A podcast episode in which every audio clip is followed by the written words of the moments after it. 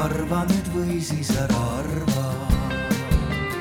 Panelistidele, nagu te näete, meil on väga erineva taustaga ja erinevatest valdkondadest inimesed kokku kutsutud, kuna selle teema ja kliimaprobleemi lahendamiseks üldiselt on tegelikult vajagi kõikide erinevate osapoolte koostööd. ja enne veel unustasin mainimata, et minu suur huviala on ringmajandus, et ma olen selle kohta päris palju ise õppinud ja uurinud ja jälgin hoolega erinevaid äh, uudiseid ja artikleid ja hiljutine kliimaraport äh, maalis meile päris sellise negatiivse pildi, et mis meil siis maailmas siin saama hakkab ja mis meid äh, ees ootab. et toon paar, paar fakti sellest raportist ka teile. et kõige negatiivsema stsenaariumi kohaselt siis on võimalik, et meid ootab sajandi lõpus ees selline kliima soojenemine, mis on lausa neli koma seitse kraadi ja tegelikult sinna suunas me praegu liigume, kui me ei muuda, kui me ei tee kardinaalseid muutusi. ja sellise keskmise stsenaariumi kohaselt on see soojenemine umbes kaks koma seitse kraadi. ja praegune soojenemine on olnud umbes seal üks koma ühe kraadi ligidal. ehk siis päris kindel on see, et, et üks koma viis kraadi soojenemist tuleb kindlasti ära ja, ja mis see nagu negatiivne pilt siis, mis meile maaliti, oli muidugi ka see, et et me kõik ise oleme ka näinud ja õnneks meie meedia ka natuke kajastab seda, et äh, millised kuumalained, äh, metsapõlengud ja üleujutused meil siin üle maailma on toimunud. et see on kindlasti selline suur alarm äh, meile kõigile, et isegi neile, kes varasemalt võib-olla ei võtnud väga tõsiselt seda teemat ja arvasid, et võib-olla paneme selle keskkonna ja kliima teema kuskile kolmandale või neljandale kohale oma prioriteetide listis, et siis on selge, et see on põleb punase leegiga sõna otseses mõttes ja sellega on vaja kiiresti tegeleda. aga positiivse poole pealt kindlasti paljud teist on ka lugenud ja kursis, et, et Euroopa Liidul on selline väga ambitsioonikas plaan äh, saavutada aastaks kaks tuhat viiskümmend kliimaneutraalsus ja selle, selle nimel nad siis on loonud sellise Euroopa rohelise kokkuleppe, mis praegu tekitab ka väga palju kõlapinda ja seal on siis väga sellised õilsad eesmärgid ja kõik on väga positiivne, et kuidas me saame ressursse kauem äh, ringluses hoida. Äh, kõik need ringmajanduse põhimõtted on seal ilusti sees, aga muidugi küsimus ongi see, et, et kuidas me seda kõike päriselt praktikas hakkame rakendama ja millal need mõjud siis tegelikult äh, tekivad ja Eesti, Eesti kohta ka natukene statistikat, et Eesti on tegelikult juba aastast kaks tuhat kaheksateist arendab ja paneb paika enda ringmajanduse strateegiat ja arengukava. ja mina ka ootan ja jälgin hoolega, et millal see tegevuskava ja strateegia siis valmis saab. et äh, kogu aeg nagu lükkub vaikselt edasi ja siit on mul ka endal tekkinud mõte, et äh, võib-olla miks see strateegia meil ka lükkub, on sellepärast, et meil ei ole ühiskonnas ja valitsuses piisavalt vastavat teadmisega eksperte ehk siis kuidas kõrgharidussüsteem saab aidata, ongi see, et, et me tekitame ja me koolitame just neid eksperte, et neid kliimamuutusi ja julgen ka öelda, et kliimakatastroofi siis äh, ennetada. ja, ja täna me siis arutamegi, et äh, mis seisus meil täna see kõrgharidussüsteem on, mida me juba teeme, millised on need sammud, mida on plaanis ette võtta, kuidas riik ja erinevad tugiorganisatsioonid saavad aidata mida tudengid saavad teha või siis tulevased tudengid ja kas meil on üldse võimalik praegu õppida selliseid erialasid, äh, mis meil aitaksid selle kliimakatastroofiga võidelda ja seda ennetada. ja ma alustaksingi tegelikult äh, Tiit sinust, et palun räägi meile, mis, mis olukorras meil praegu see kõrgharidussüsteem on, et kas on, kui rohelised me oleme mis plaanid on, et selline äh, lühikene nagu arvamus? jah, seda on, seda on muidugi keeruline noh, siis kui natuke üldistada, et aga noh, kui ma räägin veel Tehnikaülikooli äh, näitel ma Tallinna Ülikooli ma tean ka äh, rohkem, Maaülikool võib-olla paistab või deklareerib ennast kõige rohelisemana, aga, aga küsimus on, kuidas me seda, mida me selle roheluse või rohelise ülikooli all üldse mõtleme. Et kas me mõtleme mingeid nagu lihtsaid asju nagu äh, ma ei tea, prügi sorteerimine, lampide kustutamine, mingi energiatõhusus äh, või hoopis midagi muud, et äh, ma arvan, et kui nüüd võtta rohe, rohelise ülikoolina, et, et nii-öelda rohepöördesse panustada, siis see on nagu nii horisontaalne ja läbiv teema, et, et ma täna julgen öelda, et Eesti ülikoolid ei ole kindlasti noh, nad ütleme, see võib olla strateegiline eesmärk, aga süsteemselt ei ole sellega tegeletud ja kui näiteks Kaisa rääkis ringmajandusest, siis küsimus, et kas on mõnes Eesti ülikoolis ringmajanduse õppekava, siis Tehnikaülikoolis saab see õppekava olema praeguste plaanide järgi ütleme siis nii-öelda alates tänasest päevast kõige varem kaks tuhat kakskümmend kolm, kaks tuhat kakskümmend neli vastuvõtust, et kui siis nüüd ülikool tellib või loob ringmajanduse õppekava siis äh, noh, see näitab ka seda, et kõrgharidussüsteem on oma nii-öelda tänu regulatsioonidele suhteliselt bürokraatlik, on, on ka väga tugevalt reguleeritud ja need võtavad kõik aega. et äh, ma ütleksin võib-olla niimoodi kokkuvõtvalt, et äh, me oleme nagu fragmenteeritult, me oleme rohelised, me oleme nagu mingitele kindlatele tegevustele, mida me nagu teeme, aga meil ei ole süsteemset ja see puudutab võib-olla ülikooli juhtimise mõttes ei ole sellist süsteemset juhtimist ja, ja ma väga loodan, väga panustan sellesse, et, et see muutuks lähi, lähitulevikus ja et õppekavasid on küll, noh, keskkonnakorralduse, keskkonnatehnoloogia kavad on, aga mis on nende nagu selge fookus ja kuidas need ka suhestuksid äh, rohepöörde suurte eesmärkidega, ma arvan, siin on meil, me oleme siin mm -hmm. suhteliselt nagu teekonna alguses mm. -hmm. aitäh kohe küsin siit äh, ühe endise tudengi arvamust ka, et, et Sander, sina oled õppinud nii TalTechis kui ka välismaal Utrechti ülikoolis. et räägi meile natukene enda kogemusest, et, et kui sa tegid selle esimese valiku või üldse, kui sa hakkasid mõtlema äh, värske tudengina, et äh, mida õppida, siis kas sa tundsid, et äh, on piisavalt valikuid? Piisavalt valikuid äh, ei saa öelda, et oli, et äh, ma jõudsin väga kiiresti selle erialani, mis ma lõpuks valisin, milleks oli keskkonnajuhtimine TTÜ äh, Tartu kolledžis äh,. aastatel kaks tuhat kaksteist kuni viisteist ma seal õppisin. et äh, sellist äh, nagu praktilise suunitlusega keskkonnaharidust äh, sel hetkel nagu väga kuskil mujal ei antudki Äh, see andis äh, suhteliselt hea lahja, laiapõhjalise teadmise elurikkusest, ökoloogiast, keskkonnakeemiast, äh, füüsikast, aga, aga ja, ja, ja andis ka ühe olu, väga olulise tööriista, milleks on olelusringi hindamine. et kes siis ei tea, siis olelusringi hindamine võimaldab iga toote ja teenuse keskkonnamõju hinnata üsna laiapõhjaliselt ja täpselt, mis Äh, mis, mis nüüd üha rohkem, mida üha, üha, üha rohkem kasutatakse, aga, aga võiks ka kindlasti veel tulevikus rohkem, rohkem kasutusele võtta. aga mis, mis sel hetkel äh, kitsaskohaks võib-olla sel haridusteel oli, oli, et, et äh, see ambitsioonikus oli seal üsna väike, tudengeid oli vähe, konkurentsi väga palju ei olnud et, et selles mõttes minu ootus võib-olla sellele haridusele oli, oli, oli natukene kõrgem Äh, mis puudutab siis, äh, miks ma läksin välismaale õppima pärast seda, äh, oli, oli see, et ma tahtsin saada esiteks välismaal õppimise kogemust. ma tahtsin oma õppimisi, õppimist siduda rohkem ettevõtlusega. ja, ja Holland tundus sel hetkel hea valik selleks, mis mingis mõttes osutus tõeks, et ma sain väga palju targemaks Äh, just, äh, just akadeemilises plaanis, aga, aga tegemist oli äh, õppekavaga, mis oli suunitletud just siis nii-öelda suurettevõtete keskkonnajuhtidele või keskkonnaosakonna töötajatele, et kuidas seal mingit muutust ellu viia, kuidas juhtkonnale asju presenteerida, mis minu jaoks, olles pigem nagu ettevõtliku loomuga ja, ja ja pigem nagu väikeettevõtluses tegev tundus nagu natuke kauge ja hoomamatu sel hetkel mm. -hmm. et äh, jah äh,, sel hetkel valikuid Eestis äh, äh, oli ahtakeselt äh,. teine, mida ma kaalusin, oli, oli Tartu Ülikoolis äh, äh keskkonnateaduste eriala, ma arvan, mis, äh, mida, mida minu teada siiani õpi-, õpetatakse. aga, aga siukesed praktilist äh, keskkonnaalast haridust oli, oli sel ajal vähe valida mm. -hmm. ütle ka korra, et mis see eriala oli, mis sa Hollandis õppisid?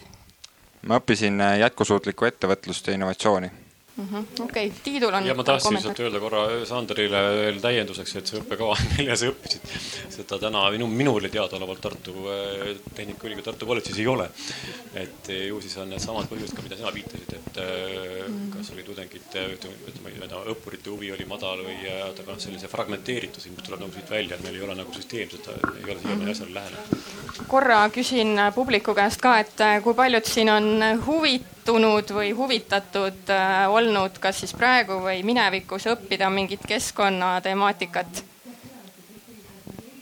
okei okay., ja kui paljud teist äh, leidsid selle eriala Eestist, mida nad tahtsid? okei okay,, kas võin küsida, et mis see eriala oli? keskkonnakorraldus, kus kohas? Tallinna Ülikoolis ja sina, mis õppisid? okei on alles praegu. See kava on alles, okei okay., väga hea. see on magistrikava. okei okay,, väga hea. aga küsin siit äh, nüüd natuke siis ka, ma tean, Grete, sa tegutsed nii Tallinna Ülikoolis kui ka oled ka Tehnikaülikoolis tegelikult äh, annad aineid. et kuidas, kuidas seal Tallinna Ülikoolis kogemus on nende õppeainetega, et kas on olnud või kas on tulemas? Äh, TalTechis ma ei õpeta tudengeid, vaid õppejõude, kes tahavad teada, kuidas õpetada tudengeid, kuidas see õppimine käib. Tallinna Ülikoolis ma ise tegin ühe aine, et mille nimi on jätkusuutliku mõtlemise toetamine, et kuna minu uurimisvaldkond olnud, on olnud mõtlemise areng ja lähemal, lähemas minevikus see, et kuidas toimub see protsess, et inimene hakkab aru saama komplekssetest süsteemidest. vara, vanasti õpetati seda ainult ülikoolis ja täna on aru saadud, et seda võiks õpetada lastele. noh, mina ise arvan, et seda võiks õpetada ikkagi täiskasvanutele, eriti neile, kes teevad otsuseid süsteemide kohta, millest nad ise aru ei saa. ja, ja jah, ja siis suurest ängist tegime koos paari ökoloogiga sellise aine, kus on ökoloogiline sisu, aga siis see, et siis selle nagu kognitiivse psühholoogia poolt see, et kuidas õpetajana ükskõik mis aineõpetajana neid teemasid tegelikult edasi anda, sest see on asi, mis, mida pedagoogikateadusest ei tule või kasvatusteadusest ei tule. ei ole ega tule. ja tegelikult Tallinna Ülikoolis oli jätkusuutliku arengu õppekava ter-, ter, suisa, aga see pandi kinni, sest ma saan aru, et see ei olnud majanduslikult nagu ei tasunud ära. okei okay., mis aastal see oli? Aga seda teab äkki Tiit paremini, et eks siis neid katseid on olnud, aga noh, et seal ongi, et see on hästi par paradoksaalne, et ta ei olnud mm -hmm. nii-öelda kulutõhus, aga neid katsetusi jah on olnud. no see ei olnud ka noh, see ei olnud jätkusuutliku arengu õppekava just nagu õppekava mõttes, see oli noh, nii-öelda nagu moodul, see oli integreeritud loodusteadused, üks kolmest jah, aga jah, ütleme, olid erinevad, erinevad põhjused, miks see ära lõpetati ja ma võin kiiresti oma kogemust ka rääkida, et äh, mina samuti, kui ma lõpetasin gümnaasiumi, siis äh, mul oli tegelikult suur huvi minna mingit keskkonnatemaatikat äh, õppima. aga mul oli samuti see mure, et siis lappasin kõik need erialad läbi ja ei leidnudki midagi. ja siis lihtsalt valisin siis niimoodi nagu loteriiga mingi, mingi asja endale. et ja noh, ma olen nüüd jälginud tegelikult noh, peaaegu kümme aastat vahelduva eduga, et kas nagu tekib juurde neid erialasid, et võib-olla saab uuesti minna õppima aga kahjuks pean tõdema, et ka praegu on ikkagi see valik on pigem, pigem nagu väike. et, et loodame siis, et, teeme nagu suuremaid muutusi selles valdkonnas. aga vahepeal küsiksin ka Maarjo käest, et ma tean, et sina oled samuti TalTechis õppinud ja doktorikraadi lausa omandanud ja teadlane pikki aastaid, et, et kuidas sinul see kogemus on, et kas leidsid nagu selle, mida sa tahad õppida ja kas oled tundnud, et võiks midagi juurde õppida ja, ja kas see on olemas sul need võimalused? no mina selles mõttes ei tundnud tollal huvi nagu otseselt äh, mingite rohetehnoloogiate vastu, vaid ma tahtsin lihtsalt teada, kuidas kogu universum töötab. ehk siis äh, lihtsalt üldse fundamentaalteadust ja selle osas äh, selline üldine füüsika ja sealt selle järjest edasi spetsialiseerumine vastavalt oma huvile no eks selles mõttes, et alati, kui sa üritad teravikuga kuhugile sisse minna, siis varem või hiljem sa tabad seda kohta, kus koha peal ei ole kedagi, kes sellest hästi võib-olla oskaks sulle rääkida ja siis veab aeg-ajalt nagu mul vedas, et, et oli just noh, mul vedas nagu juhendajatega, kes olid just tulnud tagasi nagu Eesti. Ehm, et selles mõttes oli, oli nagu vedamine, ma sain täpselt sellesse valdkonda, mis ma tahtsin, sain nagu siis kuni nagu doktorini välja nagu juhendamist aga, aga noh, selles mõttes, et ega laias laastus uute teemade käimatõmbamine käibki sellise, sellist sorti impordi kaudu, et sa pead tooma selle ekspertiisi sisse, et hakata seda siin tekitama ja see on noh, ülipikk protsess, mina astusin kaks tuhat sisse või ehk siis äh, nüüd juba kakskümmend aastat tagasi ja nüüd me üritame tekitada selles valdkonnas nagu piisavalt nagu mingit järelkasvu, aga,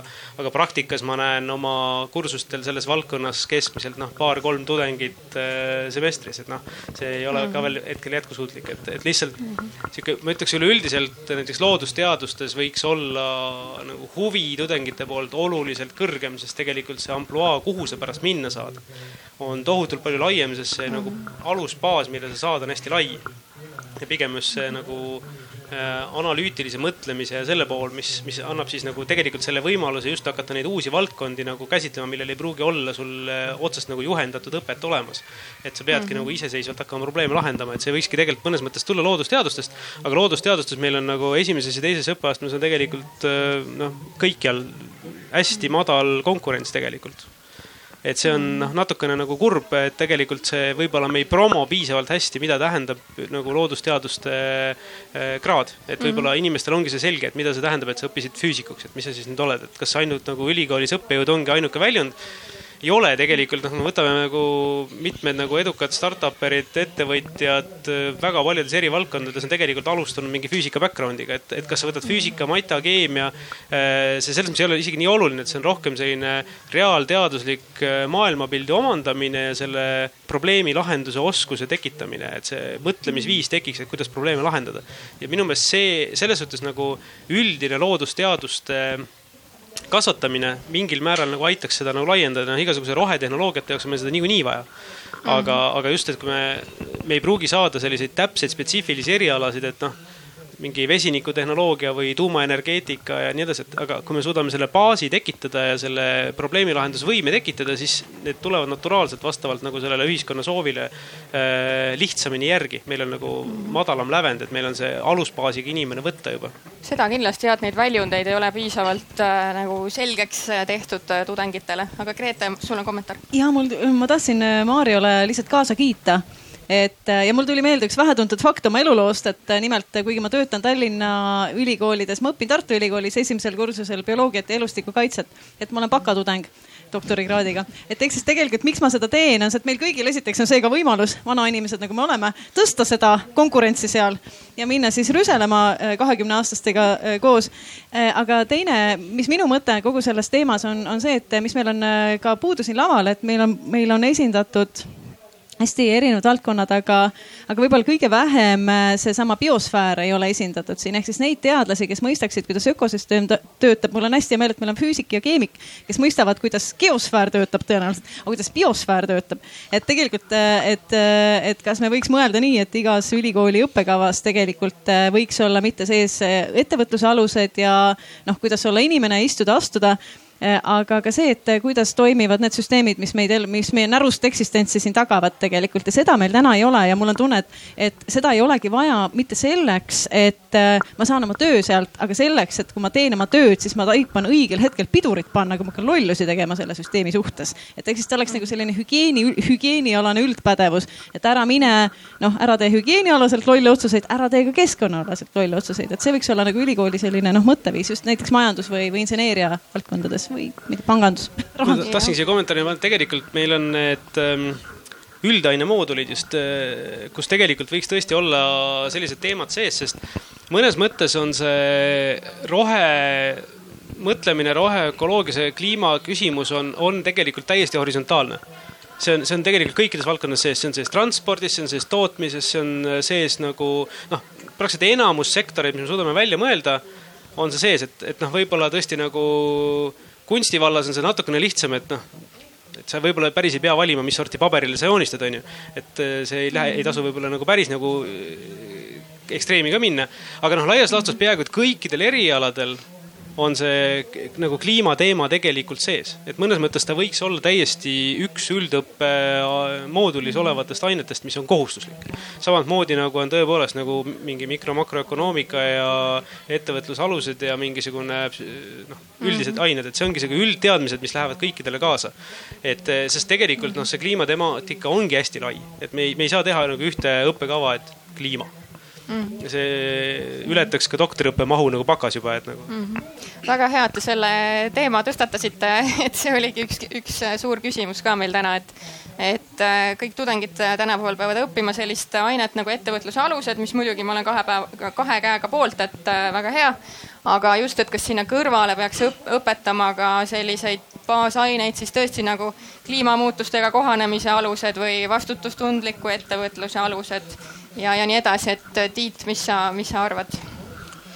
Ja kindlasti peaks ja, aga noh, siin me jõuame selline välja, et ma ka tahaksin Marjut tänada, et ta, et ta eh, ka siin eh, nii palju, kui meid siin on, ta tegi nii-öelda promos, promosid loodus, loodus- ja täppisteadusi. et see on, on, on väga, on väga, väga tõsine probleem kõikides Eesti ülikoolides. täna me näeme vastuvõtt, just vastuvõtt ülikoolid alustavad kahe nädala pärast jälle uut õppeaastat ja vastuvõtt on eh, noh, ütleme suunavektor on nagu selgelt alla.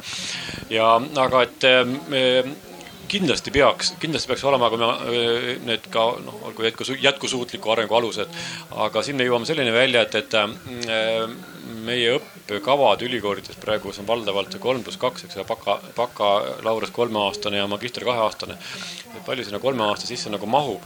Selliseid nagu üldaineid, mis oleks nagu noh, kuigi see teema on horisontaalne, et siis ma pigem äh, tasuks mõelda sellele, et äh, ütleme, õppekava struktuuri muuta, et meil oleks näiteks bakalaureus oleks nelja-aastane, et noh, tegelikult on ju võimalik meil teha ka neli pluss üks ja ja et lihtsalt, et, et kui meil on, võtamegi loodusteaduste kava, et noh, sinna peab ikkagi, ma ei tea, füüsika, eks ole, või keemia peab mahtuma ära need, need erialaained, et me ei saa hakata nagu nende arvesse lõikama, et ma näen praegu probleemi just nii-öelda selle õppekava struktuuri kohmakuse tõttu. et me praegu eeskätt me ütleme, et bakalaureus on kolmeaastane, me seal saame need, need, need, need oma need põhi, baasained kätte ja magistrit hakkame tegema, siis hakkame nii-öelda või midagi muud teha hoopis.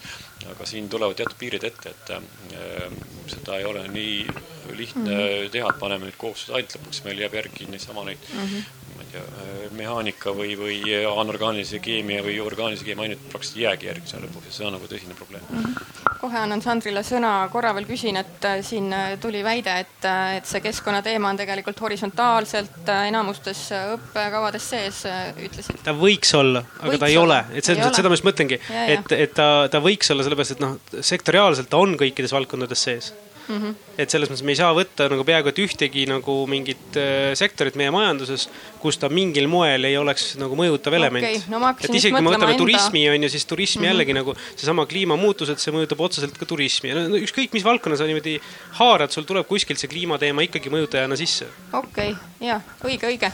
lihtsalt äh, mina hakkasin enda õpingutele mõtlema ja siis äh, kohe mõtlesingi, et meie majanduses küll midagi ei õppinud tegelikult sellest, kuigi see on nii nagu oluline ja seotud kasvõi see vastutustundlik ettevõtlus, et isegi sellest ei õpetatud majanduses midagi. aga Sander, sul oli kommentaar? ja ma tahtsingi lisada siia, et äh, üks asi on selline nagu üldised keskkonnaalased teadmised, aga teine asi on ka spetsi-, eriala spetsiifilised teadmised, et nagu sa tõid näitena, et kui majandust õpid, et noh siis sa võiksid osata lisaks äh, bilansile kokku lüüa ka äh, keskkonnaalast bilanssi ja sotsiaalset bilanssi, mida noh, nimetatakse triple bottom line'iks inglise keeles, et, et mis äh, üha rohkem nagu tuleviku ettevõtetes töötavad inimesed peavad tegema ja samamoodi ka inseneerias ja igal muul alal, et kui sa disainid mingit uut toodet, et sa mõtleksid äh, seda toodet disainides juba, et äh, mis saab olema selle keskkonnamõju, kuidas seda käideldakse eluea lõpus, kui lihtsasti seda on parandatav, kõik sellised nagu teemad on nagu üha aktuaalsemad ja, ja ma arvan, et ülikoolil on siin suur roll selle nagu ettevalmistuse tegemisel ka mm. -hmm, kindlasti. no see on praktiliselt nagu riskianalüüs, kui sa seda arvesse ei võta, siis su ettevõte viie aasta pärast käpuli lihtsalt olla noh, kui me vaatame kasvõi seda, et tegelikult oleks pidanud mõtlema selle põlevkivist nagu väljumisele siis, kui seda soovitati, mitte siis, kui see tuli mhm. süsinikumaksu tõttu järsku kõik katlad kinni panna mm. -hmm. ja et ma siia vahele veel ütlen ka, et, et selle, kas sul oli ka kommentaar? oli küll, aga sa võid jätkata, lõpetama lause siis. ma küsin siis jah pärast et äh, ma olen ka vaadanud, et Eestis tegelikult vaikselt nagu hakkab tulema neid äh, ringmajanduse nagu nimega erialasid või see on kuidagi sinna nagu sisse põimitud. aga siis, kui sa süübid nagu sinna, et mis ained need siis seal on, et siis see ei ole nagu päris see, mida mina nagu ootaks või mis ma arvaks, et, et oleks nagu vaja et näiteks ringmajandust äh, praegu tihtipeale kahjuks siiski seostatakse jäätmekäitlusega ja põhiliselt selliste teemadega. et noh, see teema mind väga ei huvita, et mind just huvitaks see süsteemne mõtlemine ja kuidas, äh, kuidas me saame ettevõtteid aidata, kuidas ettevõtted peavad oma ärimudeleid uuendama ja nii edasi, et, et sellist asja mina veel ei ole näinud aga Grete, sinu sõna. ja mul tuli seda kuulates seda noh, ülikoolide roll on ju, mida nad siis võiks teha ikka ühiskonna selline võiks näidata suunda, eks ju ühiskonnale, et ma hakkasin mõtlema, et et nii nagu meil ühiskonnas on kõikne teadmine, et, et on inimõigused, ei ole nii, et meil on mingid üksikud, noh, nii nagu praegu loodusteadlased jagavad matsu, on ju, loodusteadused, teised mitte. võiks olla ka, et meil on inimõiguste nagu need sellised saadikud, et on mõned üksikud inimesed, kes siis ei peksa teisi või ei peksa näiteks noh, naisi või mustanahalisi, ülejäänud kõik on pimeduses inimõigustest. et noh, et täna me oleme samas seisus, et nagu kõik võivad peksta loodust, onju, ja, ja mitte saada aru, kuidas ta töötab. ja siis on need mõned tüübid, onju, kellel on siis võimalus saada see loodusteadus kätte kuidagi ja siis noh, käia ringi valgustatud, kuulge, et äkki ei, ei õõnestaks põhialuseid. et tegelikult nagu sa ütlesid, Maarja ütles, et ega turismis ei ole ühtegi valdkonda, on ju, turism, noh, võta mis tahes valdkond, see jõuab lõpuks sinna, et see on mingisugune sotsiaalmajanduslik struktuur, mis asetseb suurema süsteemi sees, mis on geo- ja biosfäär. ja see biosfäär meie jutust kukub kogu aeg ka välja, kogu aeg on kliima, kliima, kliima. ma tulen eelmisest lavalt, eelmise lava kuulamiselt üle-eelmiselt, kus ma jäin kümme aastat vanemaks viha pärast, sest seal järjekindlalt nagu äh, püüti lahendada kliimaprobleemi ökosüsteemi arvelt ja saamata aru, et seda tehakse. et tänane selline kliimalahendus, hästi palju äh, roheenergia tuleks tegelikult selle arvelt, et siis me peame ohverdama kogu äh, viimasedki elurikkuse saarekesed või noh, et, et, et meil ei ole võimalik saada samasugust tarbimist, eks tegelikult et, äh, et kuhu ma sihin, on nagu see, et äkki õpiks lihtsalt selle looduse ära. me suutsime ära õppida hügieeni, onju, õudselt arstid kaklesid, et pesta käsi, mitte pesta käsi, onju, väga raske oli. onju, lõpuks tavainimene peseb käsi, pole mingit küsimust, suudab aru saada, et on, on asjad, mida me ei näe, onju. nüüd peseb eriti ah?. nüüd peseb eriti. ja nüüd eriti, eks ju, et sa mõttes uuesti läbi saime aru, et naised tohivad, onju, on ka inimesed, tohivad minna ülikooli, onju, omada kinnisvara, onju. et äh, veel hullem Äh, et suutsime aru saada, teha sellist tohutu ühiskondliku mõttehüppe. eks mina usun nagu inimestesse, et noh, võtame järgmise nagu e-, sellise eesmärgi ja me teame, et see ei tule täna väga hästi, noh, ütleme, minu põhitöö on teha seda, et see tuleks ka koolis, see teadmine. aga tundub, et sellest ei piisa, et äkki meil ei ole kõiki vaja. et äkki me võiks mõelda, et järgmise nagu viiekümne aasta inimkonna eesmärk on õppida loodus ära, mis see siis ära ei ole, kui Maarja suutis, onju, mina läksin, üritasin, onju, hakkasin pihta. et, äh, et, et kas ta võiks nagu olla samasugune, et me ei vali üksikuid, kes teavad vaid et äkki teaks -hmm. kõik ja ma siin küsin äh, Heleni käest ka, et sa olid seal Jõhvi kodeerimiskooli äh, algatuse äh, juures või seotud, on ju. et, et see on nagu spetsiaalseltki loodud selleks, et siis leevendada seda IT-inimeste nagu puudust, et kas me peaksime hakkama sarnaseid asju tegema, et et loome mingi, ma ei tea, rohe kodeerimise kooli või mingi kliimakooli, et et mis, mis sa arvad, kuidas me peaksime ma pean fakti täpne olema, et ma olin äh, Jõhvi riigigümnaasiumi juures, kus oli siis see Aa, mõte, et äh, kaks eri keelega laste punti panna kokku gümnaasiumis mm. -hmm. aga noh, see mõte on jah, kuhu sa, ma saan aru, tüürid, et, et kas kõrgharidusele on alternatiiv siis siuksed Khan Akadeemiad ja Courserad ja et me siis saame selle selliste miniampsudega mujalt aga noh, ma, ma, ma ise nagu ütleks selle Jõhvi näitel, et võib-olla hästi oluline on tõesti see, et kui see teatepulk sealt gümnaasiumist antakse ja tuleb selline tubli, hästi õpetatud laps, kellel on lõimitud viisil räägitud, et kuidas prügi sortida ja nii edasi. et siis võib-olla jah, et see ahel seal ülikoolis ei katkeks, et nüüd sa tulid majandust õppima ja see on üks teine maailm hoopiski jah, aga jah, nende alternatiivsete ampsude osas ma ütleks küll, et noh, seal on võib-olla jah, selline kommunikatsiooniülesanne, et äh, neid igasuguseid põnevaid äh, sellise uue majandusmudeli kursuseid on nagu küllaga-küllaga internetis, et nüüd on jällegi küsimus, et kuidas seda siis äh, eestindada ja siin selliseks viraalseks heaks nakkuseks, rohehügieeni nakkuseks luua mm. -hmm. aga ja. Tiit, kliima ja biosfääri mikrokraad ja kui jah, kui äh, Grete, vabandust, Helen rääkis õpiampsudest, siis äh, mikrokraadid äh, on vist minu teada kõikides Eesti ülikoolides tulemas juba, juba selle uuest õppeaastast. aga siin nõus täiesti, absoluutselt ja ma olen veendunud, et see ka tuleb, aga no siin natukene ka me peaksime, kui me nüüd räägime kõrgharidusest ja me räägime ka noh, ütleme antud juhul küll nii-öelda, kuidas kõrgharidust nii-öelda teha rohelisemaks või rohestada, siis äh, ikkagi kõrghariduse, kõrgharidussüsteemi ja ülikoolide eesmärk on, äh, on ju anda lõpetajatele kraad, eks ole, ja me ei tohi neid kahte asja segamini ajada. Et me anname ühte, teist ja kolmandat, aga lõpuks äh, kas siis, kas me oleme võimelised, kas me saame anda sellele õpetajale kraadi või diplomi, kus on kirjas, et ta on läbinud mingi kindla õppekava. et siin nad natuke ma arvan, et me ei tohiks väga nagu tormata just nende ampsude väga sellise nii-öelda laialdase pakkumisega, need on tegelikult väga atraktiivsed, me võime tegelikult teha natuke karuteene ka noortele inimestele, kellel tegelikult on vaja lõpuks seda, seda kraadi, eks ole, noh, kui võib-olla me jõuame mingil hetkel selleni, et et mikrokraadi on võimalik kombineerida kokku ja, ja saadagi äh, ka läbi selle diplom, eks ole, et kui on, on, on täidetud õppekava väljundid ja ka selle hulgas ka lõputöö sooritatud.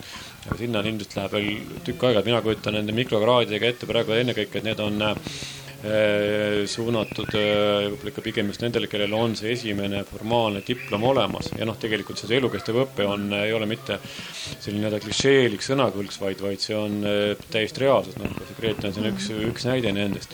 tegelikult me peamegi nagu kogu aeg juurde õppima, need mikrokraadid, need peaks olema ennekõike just nendele, et neid juurde õppida saada see, mida ka nii-öelda vajatakse tööturul, aga nõus, selle ma kirjutan alla väga hea meelega. ei, ma kusjuures seda mõtlesingi, et äh, see oleks nagu plaaster probleemile seniks, kuni nagu päris ravimiga tegeleda.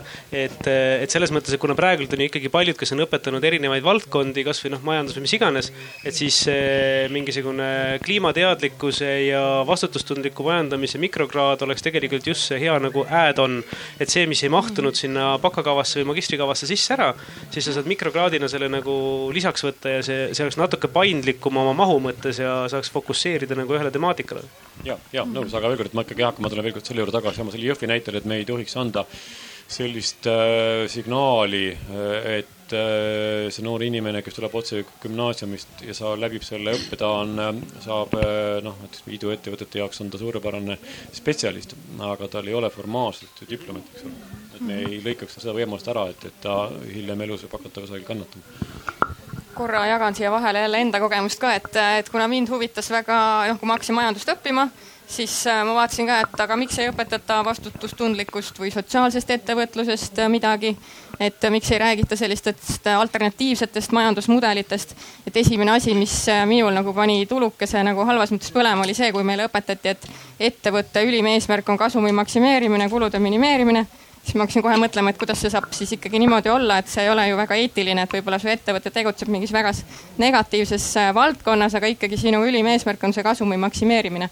ja, ja noh, kuna mind see teema väga huvitas, et siis ma ise vaatasin, et kus on mingid väiksed siuksed lühiprogrammid, äh, lühikoolitused üle maailma, et siis ma olen päris palju käinud, ma arvan, et mingil kahekümnel äh, sellisel programmil või koolitusel ja, ja noh, muidugi oleks tore, kui mul selle eest oleks nagu mingi kraad, aga, aga noh, sellist süsteemi ei ole et, et siit tulebki küsimus, et, et Tiit, mis sa arvad, et kas, kas tulevik või selline kõrghariduse tulevik võiks olla täiesti nagu ümber struktureerida see, see süsteem, kuidas ta praegu toimib, et see kolm pluss kaks?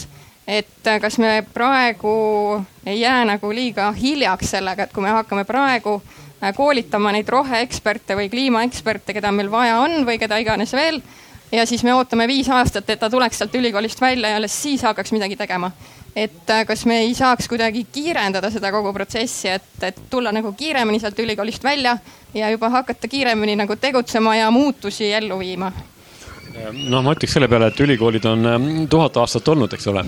ja ütleme, akadeemiline äh,, akadeemiline süsteem on ikka üles ehitatud kindlatele äh, ütleme nii-öelda standarditele ja, ja nii-öelda just nii-öelda kvaliteedistandarditele. et äh, mida me, siin on võib-olla küsimus on pigem selles, et kas me saaksime kiirendada uute õppekavade või uute nii-öelda õppeainete nii-öelda loomist ja siin ma ka, ma korra al alustuseks ütlesin, et noh, et kõrgharidus äh, on oma olemuselt suhteliselt nii-öelda noh, ikkagi nagu suhteliselt nagu bürokraatlik ja reguleeritud, noh, mis on ka oluline, et, et nii-öelda tagada kvaliteeti. et kas me saaksime kiirendada seda, näiteks see on sama näide, mis ma tõin, et mul on sulle hea uudis, et et Tehnikaülikoolis me plaanime äh, nii-öelda avada ringmajanduse õppekava täna, eks ole, kahekümne esimese aasta augustikuu ja me kahekümne teise aasta alguses äh, peab olema see õppekava struktuur ette valmistatud, et minna see protseduur nii-öelda käima, siis tegelikult me saame tudengid hakata vastu võtma kaks tuhat kakskümmend kolm, kaks tuhat kakskümmend neli, kuna äh, enne kui me saame, saame väljavõttu, vastuvõttu välja kuulutada, läbi oma ministeeriumi koodikomisjon, et see on suhteliselt bürokraatlik, et Ehm, ma kardan, me siin ei suuda väga kiiremini toimetada, aga see on tegelikult tõsine probleem, sest eh, noh, ikkagi oskuste elutsükkel ju eh, on nii-öelda järjest nii-öelda lüheneb ja, ja tööturg vajab ja siin on just pigem mina näengi seda lahendust on sama neid mikrokraade või nanokraade, mida, mida saab nii-öelda siis nii-öelda peale võtta või, või juurde võtta või õpijampse, aga ma siiski jääksin selle juurde, et äh, akadeemiline ütleme nende õppestruktuur, nagu ta on äh, ikkagi teatud standarditele, olgu need ainepunktid mõõdetavad, et see, seda me kindlasti pea peale pöörata ei ole kuidagi mõistlik, kas kas on kolm pluss kaks või neli pluss üks, see on nüüd teine asi, et, et äh, pigem võiks olla pigem neli pluss üks, aga noh, ka praegune süsteem on ju ka, et me, see tegelikult ka kokku nii-öelda klappimine, kolm aastat baka, siis me võtame magistri peale, mis võib olla ka hoopis midagi muud tegelikult. Mm -hmm.. okei. okay Grete, sul on kommentaar? ja mul on vist selline nägu jah, et ma tahaks midagi öelda, ma hakkasin mõtlema, et noh, ma ei tea, palju te teate kimalastest, on siin mõni entomoloog no,? et kimalasega on niimoodi, et äh, kui kliima läheb soojemaks, kimalane ei lähe põhja poole. Äh, et ta lõuna poole ei saa elada, sellepärast noh, soojemas kliimas, kuna ta vajab teatud sellist parasvöötmelisust, aga ta ähm, käitumine muutub nii aeglaselt, et tema siis selline areaal aheneb, on ju, kimalane oleks peamine tolmeldaja meil, eks ju. et me vajame teda väga, ehk siis ja tema hakkab ära minema varsti meie juurest. ma ise tolmel-, mina ei oska tolmeldada, ma ei, ma ei oska paljusid asju.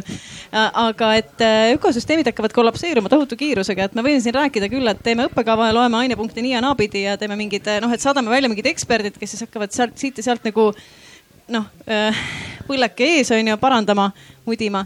Et äkki meil on ülikoolina hoopis teine vastutus, et vaadata, et mis sõnumeid me üldse tervikuna anname, et minule tunduks äh, ülikoolina hästi nagu mõistlik kuulata teadlasi.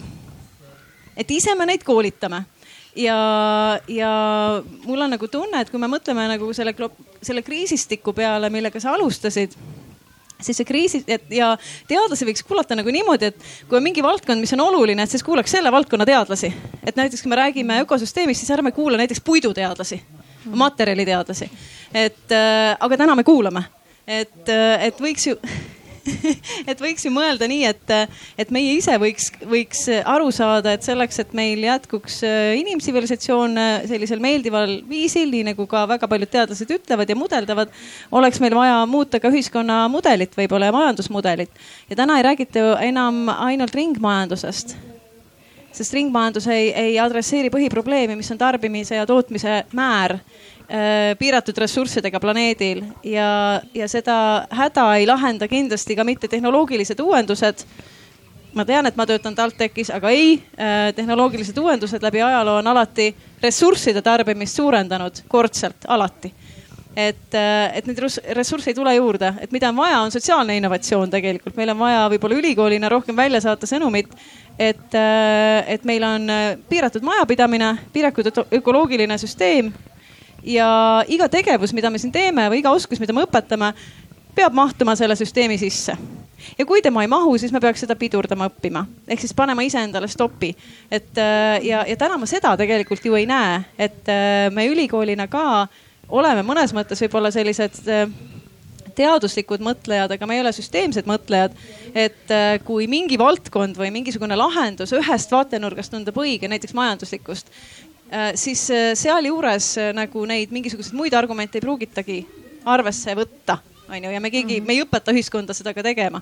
ja võiks ju mõelda nii, et kui sellesama majandusliku maailma all on alati noh, biosfäär ja geosfäär, need on vundamendid, siis, siis need on tegelikult ülimuslikud argumendid, need on olulisemad, lihtsalt nii on aga et vot, et, kui me nagu sellist süsteemset mõtlemist suudaks arendada, et äkki siis see võiks olla see, mis kiirendaks või akseleeriks seda muutust. et siis võib-olla inimesed hakkaksid lausa küsima, võib-olla meil ei ole vaja neid roheeksperte koolitada, vaid igaüks saaks oma sisemise piduri. täna me ainult võtame ette, algatame ja käivitame. meil on vaja hakata pidurdus nagu oskust tegelikult treenima ja seda ettevõtlus minu arust ei, sellest ei räägi ettevõtlusõpe ja just, et äh, väga õige märksõna tõid välja, et see süsteemne mõtlemine, et seda seda tõesti praegu eriti palju ei õpetata, et kuidas nagu kõik on üksteisega seotud ja üks asi mõjutab teist ja nii edasi, et et, et see, jah, Helen, palun. mul on kohe jah, Grete väitele nagu jah, et no see ongi see optimeerimisülesanne, selle tempo, et, et ühel pool on selline tunne, et hirmsasti peaks muutus toimuma ja teiselt poolt on see, et kvaliteedis alla ei tahaks anda ja tahaks teha kuidagi mõtestatult.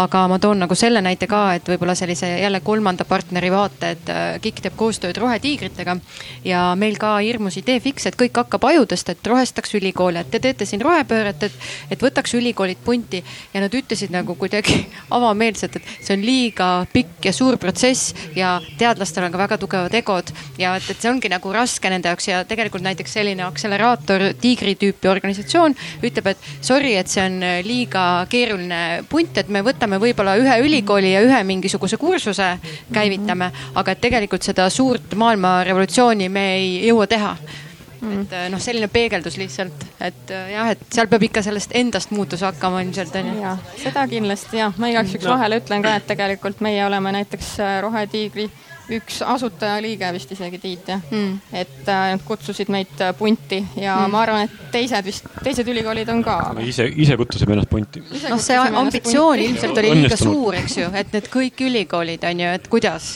jah, okei okay. no sihuke korraks nagu teemast välja hüpates tegelikult hästi pragmaatiliselt võttes saaks kogu selle kliimateema äh, tegelikult hästi lihtsalt ära lahendada selles mõttes, et lihtsalt noh, ideoloogiliselt lihtsalt selle lahendus tegelikkus on raske, on see, et ega kõige paremini mõjutab ikkagi sihuke majanduslik aspekt ja kõik probleemid lahenevad iseseisvalt, kui sa suudad tegelikult selle majanduse teha niimoodi, et sul ei ole mingi üks suur tohutu väline ressurss, mida kõik tarbivad täiesti ilma selle eest maksmata.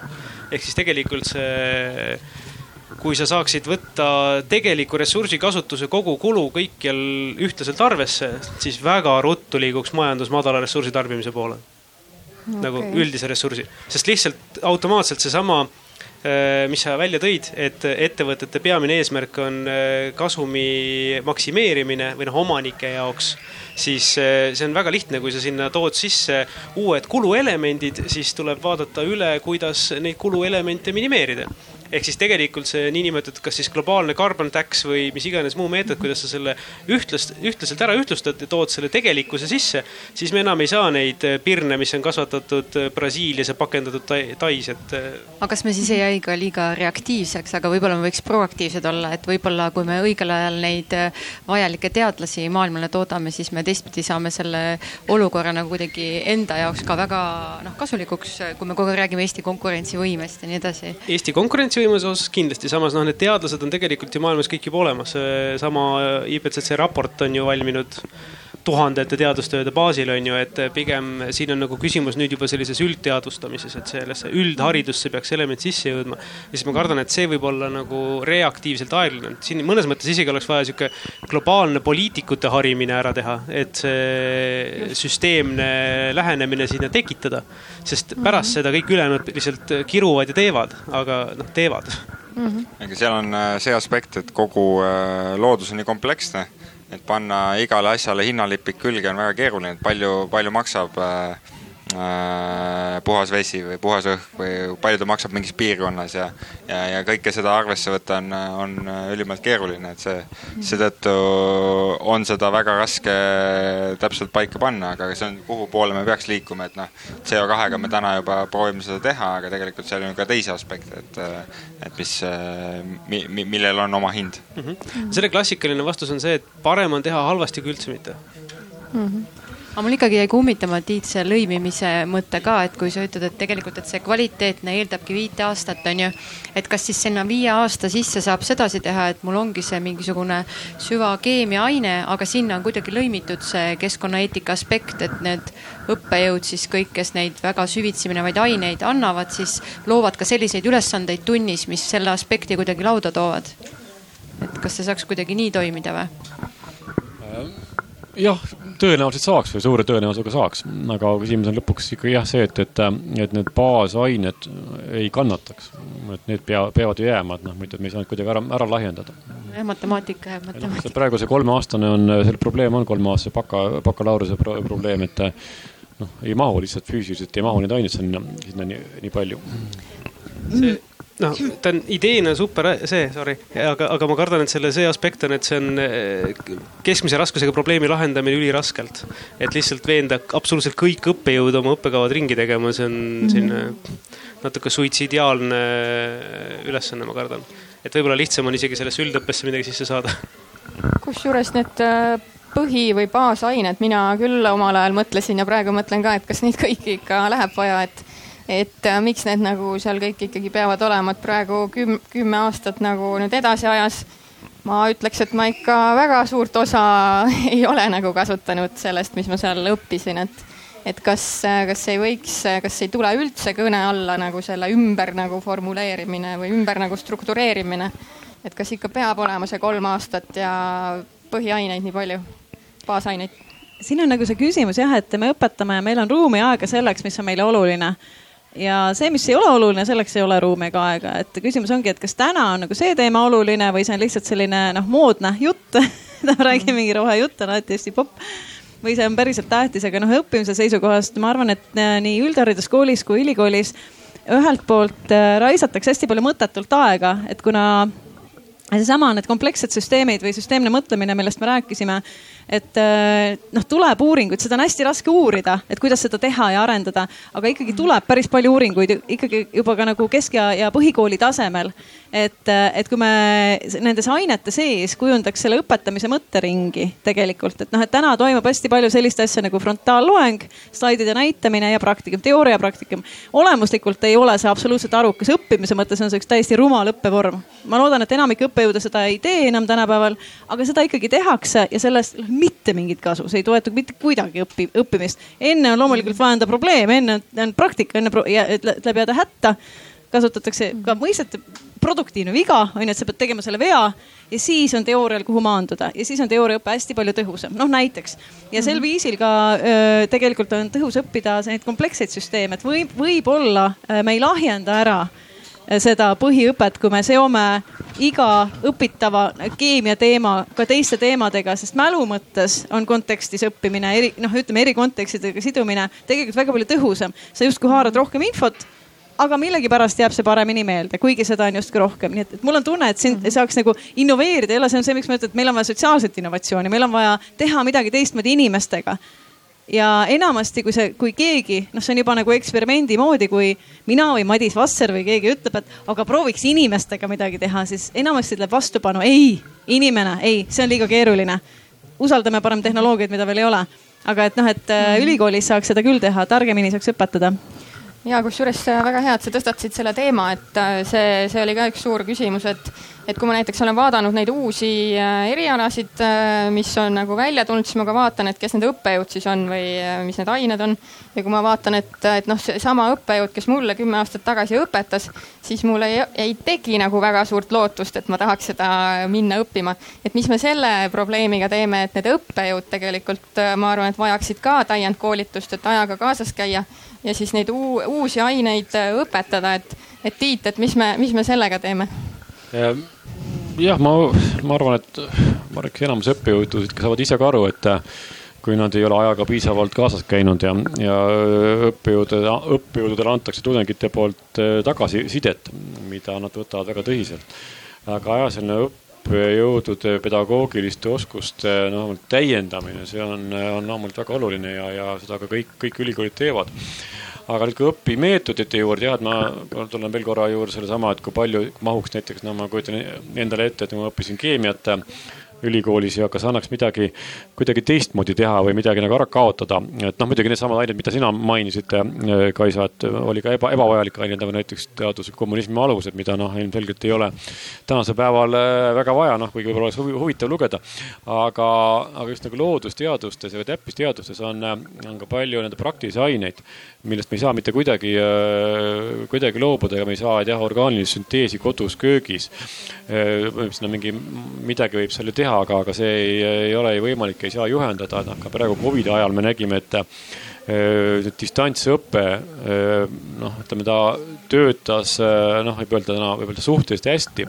Aga teatud erialadel oli ikka nagu tõsine probleem ja, ja aga see oma, oma tütre näitel, kes õppis, just lõpetas gümnaasiumi ja noh, kes nagu tunnistab, et noh, see ikkagi ei olnud nagu lõpuks päris see ja, ja ka, ja, ja, ja ka tudengitele seda praktiliste ainete, olgu need nii-öelda laborid, et neid me mitte kuidagi ei saa asendada, noh ja Mart, Mart istub mul siin vastas, et kas, kas me, kas, kas võiksime, kas mõni ettevõte võtaks tööle mõne ehitusinseneri, kes ei ole läbinud mingit nii-öelda praktilist tegevuspraktikumi, et kas ma, kas annaks talle projekteerida nende silla, eks ole, no tõenäoliselt mitte, eks ole et äh, on äh, teatud, kust me tuleme piirid ette, et me ei saa nagu hakata ära lahendama seda kogu suppi. küll aga jah, nõus, et me saame teha innovatiivsemaks ja, ja see on muidugi erinevad erialad, muidugi Tehnikaülikooli puhul on valdavalt on ütleme tehnikaga seotud erialad, et seal on, on see mänguruum on natukene väiksem mm. -hmm ja palun. ja, no mõtlesin siin mitme erineva teema peale kokku, et noh, esiteks sellest äh, õppimise restruktureerimisest, siis ähm, ma arvan, et see on isegi koht, mida me ei peaks alustama ülikoolist, vaid see on tegelikult koht, mida me peame alustama lasteaiast.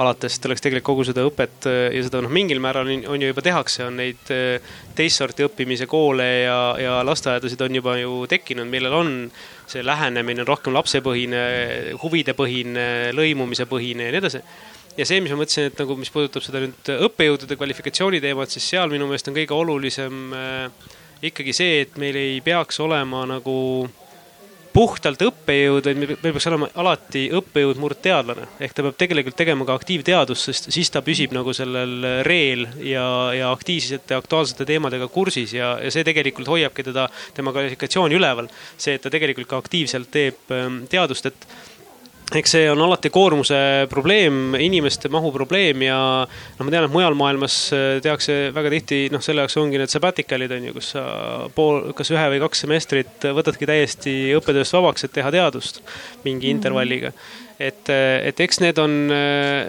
erinevad teemad ja, ja erinevad probleemid, et aga noh, väga tihti me taandume lõpuks ikkagi sellele, et inimesi ei ole ja, inimesi ei ole sellepärast, et me ei, ei, ei pruugi alati kõikides valdkondades suuta neid järgi toota ja noh, loodusteadustes on see eriti valus probleem mm. -hmm Grete, on sul kommentaar? ja ma võtaks sellesama mõtte üles, et tõesti, et äh, sellist mõistlikku õppimist võiks teha kõigil tasanditel ja, ja mina isegi, et mõnikord öeldakse et oleme nagu lapse või individuaalsuse kesksed, et mina oleks pigem nagu ajukeskne et ajul on teatud seadus, aju on nagu noh, sinul on kindlasti mingi, sul on aatom näiteks onju. seal on mingid seaduspärad, mida aatom saab teha, mida ta ei saa teha, onju, milline ta on, onju, ja milline ta ei ole. et mingid piirid seal on, ajuga on samamoodi. et äh, teatud viisil ta saab õppida, õpib ja teatud viisil ta ei saa. ja enamus õpet kõikides õppeastmetes täna on üles ehitatud nii, nagu aju ei saa tegelikult õppida. kohutavalt raisatakse aega, väga palju. noh, ütleme et see on ka see, mida me TalTechis tegelikult üritame teha läbi halli kivi. Et äh, ja õpetajakoolituses on äh, näiteks üks võib-olla kesksem asi, mis praegu noh, minul, minul pigistab see king väga tugevasti just nimelt see äh, selliste abstraktsete kontseptuaalsete asjade õppimine. selleks on õpetajatele, õpetaja õppekavas on aega täpselt üks loeng et kaheaastase magistriõppe programmi juures hariduspsühholoogid, noh, meie oleme suutnud nagu olla nii malbed ja nii kenad, noh, me alguses suudame olla kenad. Äh, et suruda sisse siis nagu see, et, et räägiks nagu, et kuidas nagu psüühika töötab ja kuidas aju üldse saab õppida, onju ja siis noh, sealt on siis üks loeng, mis on tegelikult see kõige olulisem teema. et ehk siis, mis noh, et mind tegelikult nagu, nagu vihastabki see, et meil on see teadmine olemas et nii nagu vist igal teadlasel teadmine on olemas, mida me võiksime teha, me võiksime panna kõik need inimesed, noh, et neil on parem pagas, kui nad lähevad ülikooli. ja ka ülikoolis võiks nende aega paremini ära kasutada, kui me lähtume sellest, kuidas aju töötab. aga kahjuks millegipärast ei taha jõuda nii ruttu sinna iga õpetava inimeseni. arstid õpivad kui kaua? aga aju on veel keerulisem tegelikult, aju mõjutamine on keeruline ja me ei võta seda nagu tõsiselt, et see, et see on neurobioloogiline reaalsus mida peaks tundma piisavalt nagu olulisi teemasid sellest, kuidas aju töötab, peaks tundma. see ei võt-, see, see võtab aega. aga, aga täna see jah, on natuke lonkab ja ma nüüd tulen korra selle õppekava või siis õppeaine juurde tagasi, et, et ütleme, et meil on siis vaja, me teame, et meil on tulevikus vaja päris suurel hulgal neid keskkonnaeksperte või kliimaeksperte. kuidagi on need vaja tekitada ja, ja küsimus siis ongi see, et kas me peaks tegema eraldi mingisuguse õppekava, mingisuguse õppeaine või kas me peaks integreerima mingeid nagu baasoskusi sellel keskkonna ja kliimateemadel igasse õppeainesse. et, et mis, mis meelsus nüüd selles osas on? jah. jah, kumma poolt? kõik. kõik? me peaks, peaks mõlemat tegema. mõlemat, okei okay,, väga hea. Kunagi Aveliina Helm ütles, muuta tuleb kõike. okei okay., no väga hea aga ma korra veel tõstataks selle koostöö teema ka, et äh, ülikoolide ülene koostöö, et, äh, et mis te, mis kogemused teil selles osas on, et, et kas tuleks kõne alla ka näiteks, et äh, TalTech ja Tallinna Ülikool või Tartu Ülikool, et teeks mingi ühise õppekava või kuidagi jagaks oma teadmusi, et, et mis võimalused meil selles osas on? Võima-, noh, see on siin on nagu mitu aspekti, et, et muidugi mina väga pooldaks ja, ja, ja väga toetan koostööd ja, ja näiteks Tallinna Ülikool, mitte ainult Tallinna Ülikool ja Tehnikaülikool, vaid äh, võiks olla veel äh, Kunstiakadeemia või, või äh, Muusika-Teatriakadeemia. noh, nagu horisontaalsed mingid, mis ongi horisontaalsed nii-öelda oskused, pädevused, mida meil vaja on, et oleks ühine, ühine õppekava ja ühised moodulid aga ehm, eks jällegi siin elu seab nagu piirid ette, et äh, jällegi oma kõrgharidussüsteemi sellise reguleerituse, bürokraatia juurde, siis ka ühisõppekavad on, äh, on ju võimalikud, ühisõppekavad on. Tallinna Ülikool, Tehnikaülikool on Tallinna Ülikooliga ühisõppekava, meil on EKA-ga ühisõppekava, aga ühisõppekavad on suhteliselt nagu veel rohkem bürokraatlikud selles mõttes, et nad nõuavad rohkem nii-öelda administreerimisressurssi aga nii-öelda rahalist ressurssi selleks ei ole nagu tagatud, et seda teha mm, -hmm. et see on pigem see küsimus ministeeriumile ehk Maarjo viib selle ministeeriumi siis juhtkonna koosolekule, et, et, et kuidas ühisõppekavasid soodustada, ühisõppekavade tegemist, et jällegi siin on seda bürokraatia ja, ja reguleerituse teema, aga mm. -hmm. aga ma arvan, et aeg on noh, praegusel, praeguses olukorras, kus me räägime just nõnda nüüd roheteemadest, mis ongi meil mitu korda öelnud kõik, et see on nii horisontaalsed, et miks me vist nagu ei võiks ka seda horisontaalset ülikoolide vahel koos teha mm. -hmm ja äh,, Sander, palun. ja ma tooks siia sisse ka koostöö ülikooli ja ettevõtete vahel, et mul on üks hea isiklik näide Hollandis õppimisest, et et seal oli eraldi, see ei olnud otseselt nagu õppeprogrammi osa aga ülikoolis oli siis eraldi niisugune institutsioon, äh, mis, mis tegi eraldi konsultatsiooniprogramme ettevõtetele.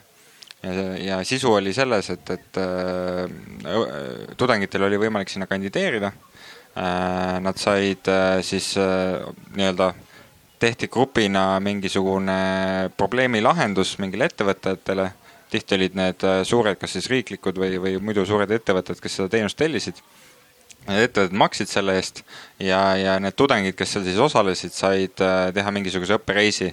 ja, ja see oli pigem selline noh, äh, just nagu väga huvitav õppereis kuskile teisele poole maailma.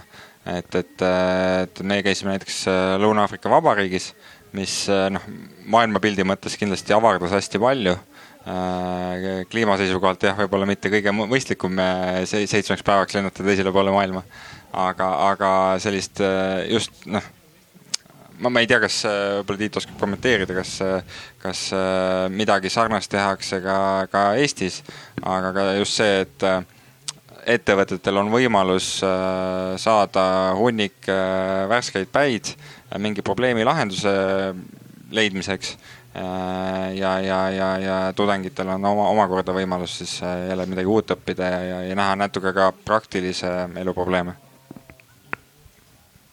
just, väga õige. ma siin nüüd kohe tõstatakski selle küsimuse ka ministeeriumi poole ja võib-olla ka KIK-i poole. et äh, nagu me teame, et siis ülikoolide suurimaks nagu mureks või selliseks probleemiks on alati nagu rahastuse puudus. samuti teaduse puhul, et, äh, et on väga alarahastatud ja samuti, kui me tahame mingeid uusi õppekavu luua, et siis äh, nagu ka Tiidu jutust sain aru, et siis ongi, et see on hästi ressursimahukas nii rahalises mõttes kui ka kogu selle bürokraatia mõttes. et, et kas praegu on äh, tulemas ministeeriumi poolt või, või riigi poolt mingeid suuniseid või mingeid tellimusi näiteks, et näed, ülikool, palun nüüd koolitage neid eksperte, nii palju on vaja, anname teile ressurssi. et äh, kuidas sa seda kommenteerid? Äh, noh, selles mõttes, et kõik teavad, et, et kõrghariduses on raha vähe ja, ja tegelikult see kõrghariduse rahastamine tuleb ka sel sügisel selle suure küsimusena äh, ülesse ja no sellest tõenäoliselt kujuneb ka järgmiste Riigikogu valimiste ühe, üks suur küsimus või üks suur teema. et äh, see on piisavalt nagu suures mahus äh, murekoht, mille lahendamiseks ei ole olemas sellist lihtsat ja meetodit, et see on, see on selline koht, kus natuke on vaja sihukest ühiskondlikku mandaati. et mm, -hmm. et see on nagu sihuke mittetriviaalne lahendamine. nüüd konkreetsemalt rohetemaatikate osas on äh, no selliseid otseseid meetmeid, et nüüd me teeksime mingisuguse riikliku tellimuse, et äh, koolitage kakskümmend seitse vesinikueksperti või midagi sellist, et äh, noh, seda loomulikult ei, ei ole otseselt, et nagu on ka öeldud, et need kliimateemad on suhteliselt horisontaalsed. Äh, küll aga on sellistes noh, seotud teemades on et kui me võtame kasvõi selle TAIE strateegia, siis seal viiest fookusvaldkonnast kaks tegelikult assotsieeruvad väga täpselt ka selle rohetemaatikatega, et see Eh, kohalike ressursside väärindamine, mis, kus sees on ka ringmajandus ja, ja muud asjad ning ka nutikad ja targad eh, energialahendused, energeetikalahendused on, on tegelikult juba asjad, mis nagu hõlmuvad sellesse ja sellest tulenevalt nendes fookusvaldkondades on kindlasti ka erimeetmed. seal on struktuurifondide rahastust ja nii edasi, et noh, need paljud asjad ei ole veel see aasta käigus, meil on see ilusti üleminekuperiood on ju ühelt struktuuriperioodilt teisele. et paljud nendest meetmetest algavad järgmisest aastast ja, ja noh, on veel mingeid asju, mis on nagu väljatöötamisel. see nagu otsest sellist tellimuse osa võib-olla ei mõjuta, aga noh, see puudutab erinevaid aspekte, mis noh, laias laastus kokkuvõttes eh, ega ülikooli rahakott koosneb, eh, ma ei kujuta ette, kas ta päris sajast erinevast nagu algallika nivoost on, aga noh, seal neid komponente, kust see tuleb, on, on palju ja kui mingites teistes komponentides ikkagi nagu rahastus suureneb, siis see muudab lihtsamaks jällegi ka eh, elemente teises pooles. ta loomulikult ei lahenda mhm. seda viiekümne kuni saja miljoni puudumist kõrgharidussüsteemist, aga ta kindlasti natukene nagu teatud valdkondades võib leevendust tuua ja, ja mingil määral aidata aidata. aga ja, ei, see teema on teada ja, ja keegi ei eita, et kõrgharidusel on raha juurde vaja. Äh, küsimus on lihtsalt, kuidas seda teha, kuidas seda teha mõistlikult, jätkusuutlikult ja, ja niimoodi, et see ka absorbeeritaks nagu ka, ka riigieelarve mõttes jah, no kõrgharidusel ja teadusel üldiselt kindlasti on vaja raha juurde, aga just ka selles kliima nagu fookuses, et, et kui sa ütlesid, et, et noh, ütleme, et on vaja mingi viiskümmend vesinikueksperti, et aga seda tellimust pigem ei tule, et siis ma küsikski, miks ei tule. ja kas te olete näiteks kalkuleerinud, et mis äh, mis oskusi lisaks sellele vesinikueksperdile meil veel on vaja just selles foonis, et me vastaks näiteks Euroopa roheleppe eesmärkidele ja et ikkagi me suudaks ennestada seda äh, nelja koma seitsme kraadist soojenemist, mis meil tegelikult praegu ees ootab, kui me midagi ei muuda. Äh, no ma just ütlesin, ma tõin lihtsalt näite, et sihukest kahekümne seitsme vesinikueksperdi tellimust nagu täna ei ole, et äh, ma tean, et on olemas, septembris on tulemas OSKA raport ka, ka sellest, et mis võiks olla nagu need vajadused ja asjad, et meil see info on tulemas, mis me selle raames täpsemalt edasi teeme, kuidas see üleüldiselt peaks olema, et noh, tegelikult äh, meil on siiski suhteliselt suur kogus autonoomiat antud ka ülikoolidele, et, et äh, eks me, eks me peame mingeid valdkondi kindlasti üle vaatama ja, ja sellega aktiivselt ka tegeletakse ja selle rohefondide ja RRF-i ja kõikvõimalike noh, kasvõi see Ida-Viru taastefond, et noh, neid, neid meetmeid on, kust, kust tuleb just sellele nagu rohe ja kliima teemale. aga noh, need ongi enamuses meetmed, mis on kakskümmend kaks, mitte kakskümmend üks. okei Tiit soovib kommenteerida? natuke jah, natuke võib-olla Mariot äh, noh, mitte kaitsta või natuke aidata, et, et äh, jah, ei ministeerium äh, noh, ikkagi nagu tellib küll ja, ja, ja ka halduslepingud, millega siis ülikoolid sõlmivad iga kolme aasta tagant halduslepingud, kus on Äh, siis ta on nagu ainuke dokument või leping, kus siis riik, äh, ministeerium ülikoolidele saab midagi nii-öelda ülikooli kuidagi mõjutada, aga et äh, need ikka töötavad ja OSKA raporteid ka vaadatakse, pigem on nagu probleem selles, et ülikoolid peaksid ise olema rohkem proaktiivselt ja vaatama ettepoole ja näitama ka, et keda meil tegelikult on vaja. et noh, kui nüüd riik mm -hmm. ütleb, et koolitage kakskümmend teist vesinikueksperti, siis tegelikult peaks olema niimoodi, et ülikoolid ise oleks pidanud saama aru, et meil on vaja hoopis võib-olla viiskümmend kolm vesinikueksperti juba nagu äh, võib-olla juba üle, ülehomme. ja, ja tegelikult tegema midagi selleks. aga jah, ressursside juurde, noh, järgmine see kõrghariduse rahastamine on, on nagunii äh, selline teema, mis on võib-olla täiesti eraldi teemaga, et, et Maarjo ka äh, korra viitas või mainis, et, et me võib-olla nagu räägime ainult nagu praegu oleme rääkinud õpetamisest, eks ole, ülikoolides, vaid tegelikult õppetöö ja teadustöö käivad ülikoolis koos ju ja tõepoolest nii õppejõududel on kohustus teha teadustööd kui ka vastupidi, kui ka teadlastel on kohustus õpetada. ja ülikoolis me kuidagi ei erista nii-öelda, et ühes nii-öelda rahakotis või ühes lahtris on õpetamine, teises on teadustöö.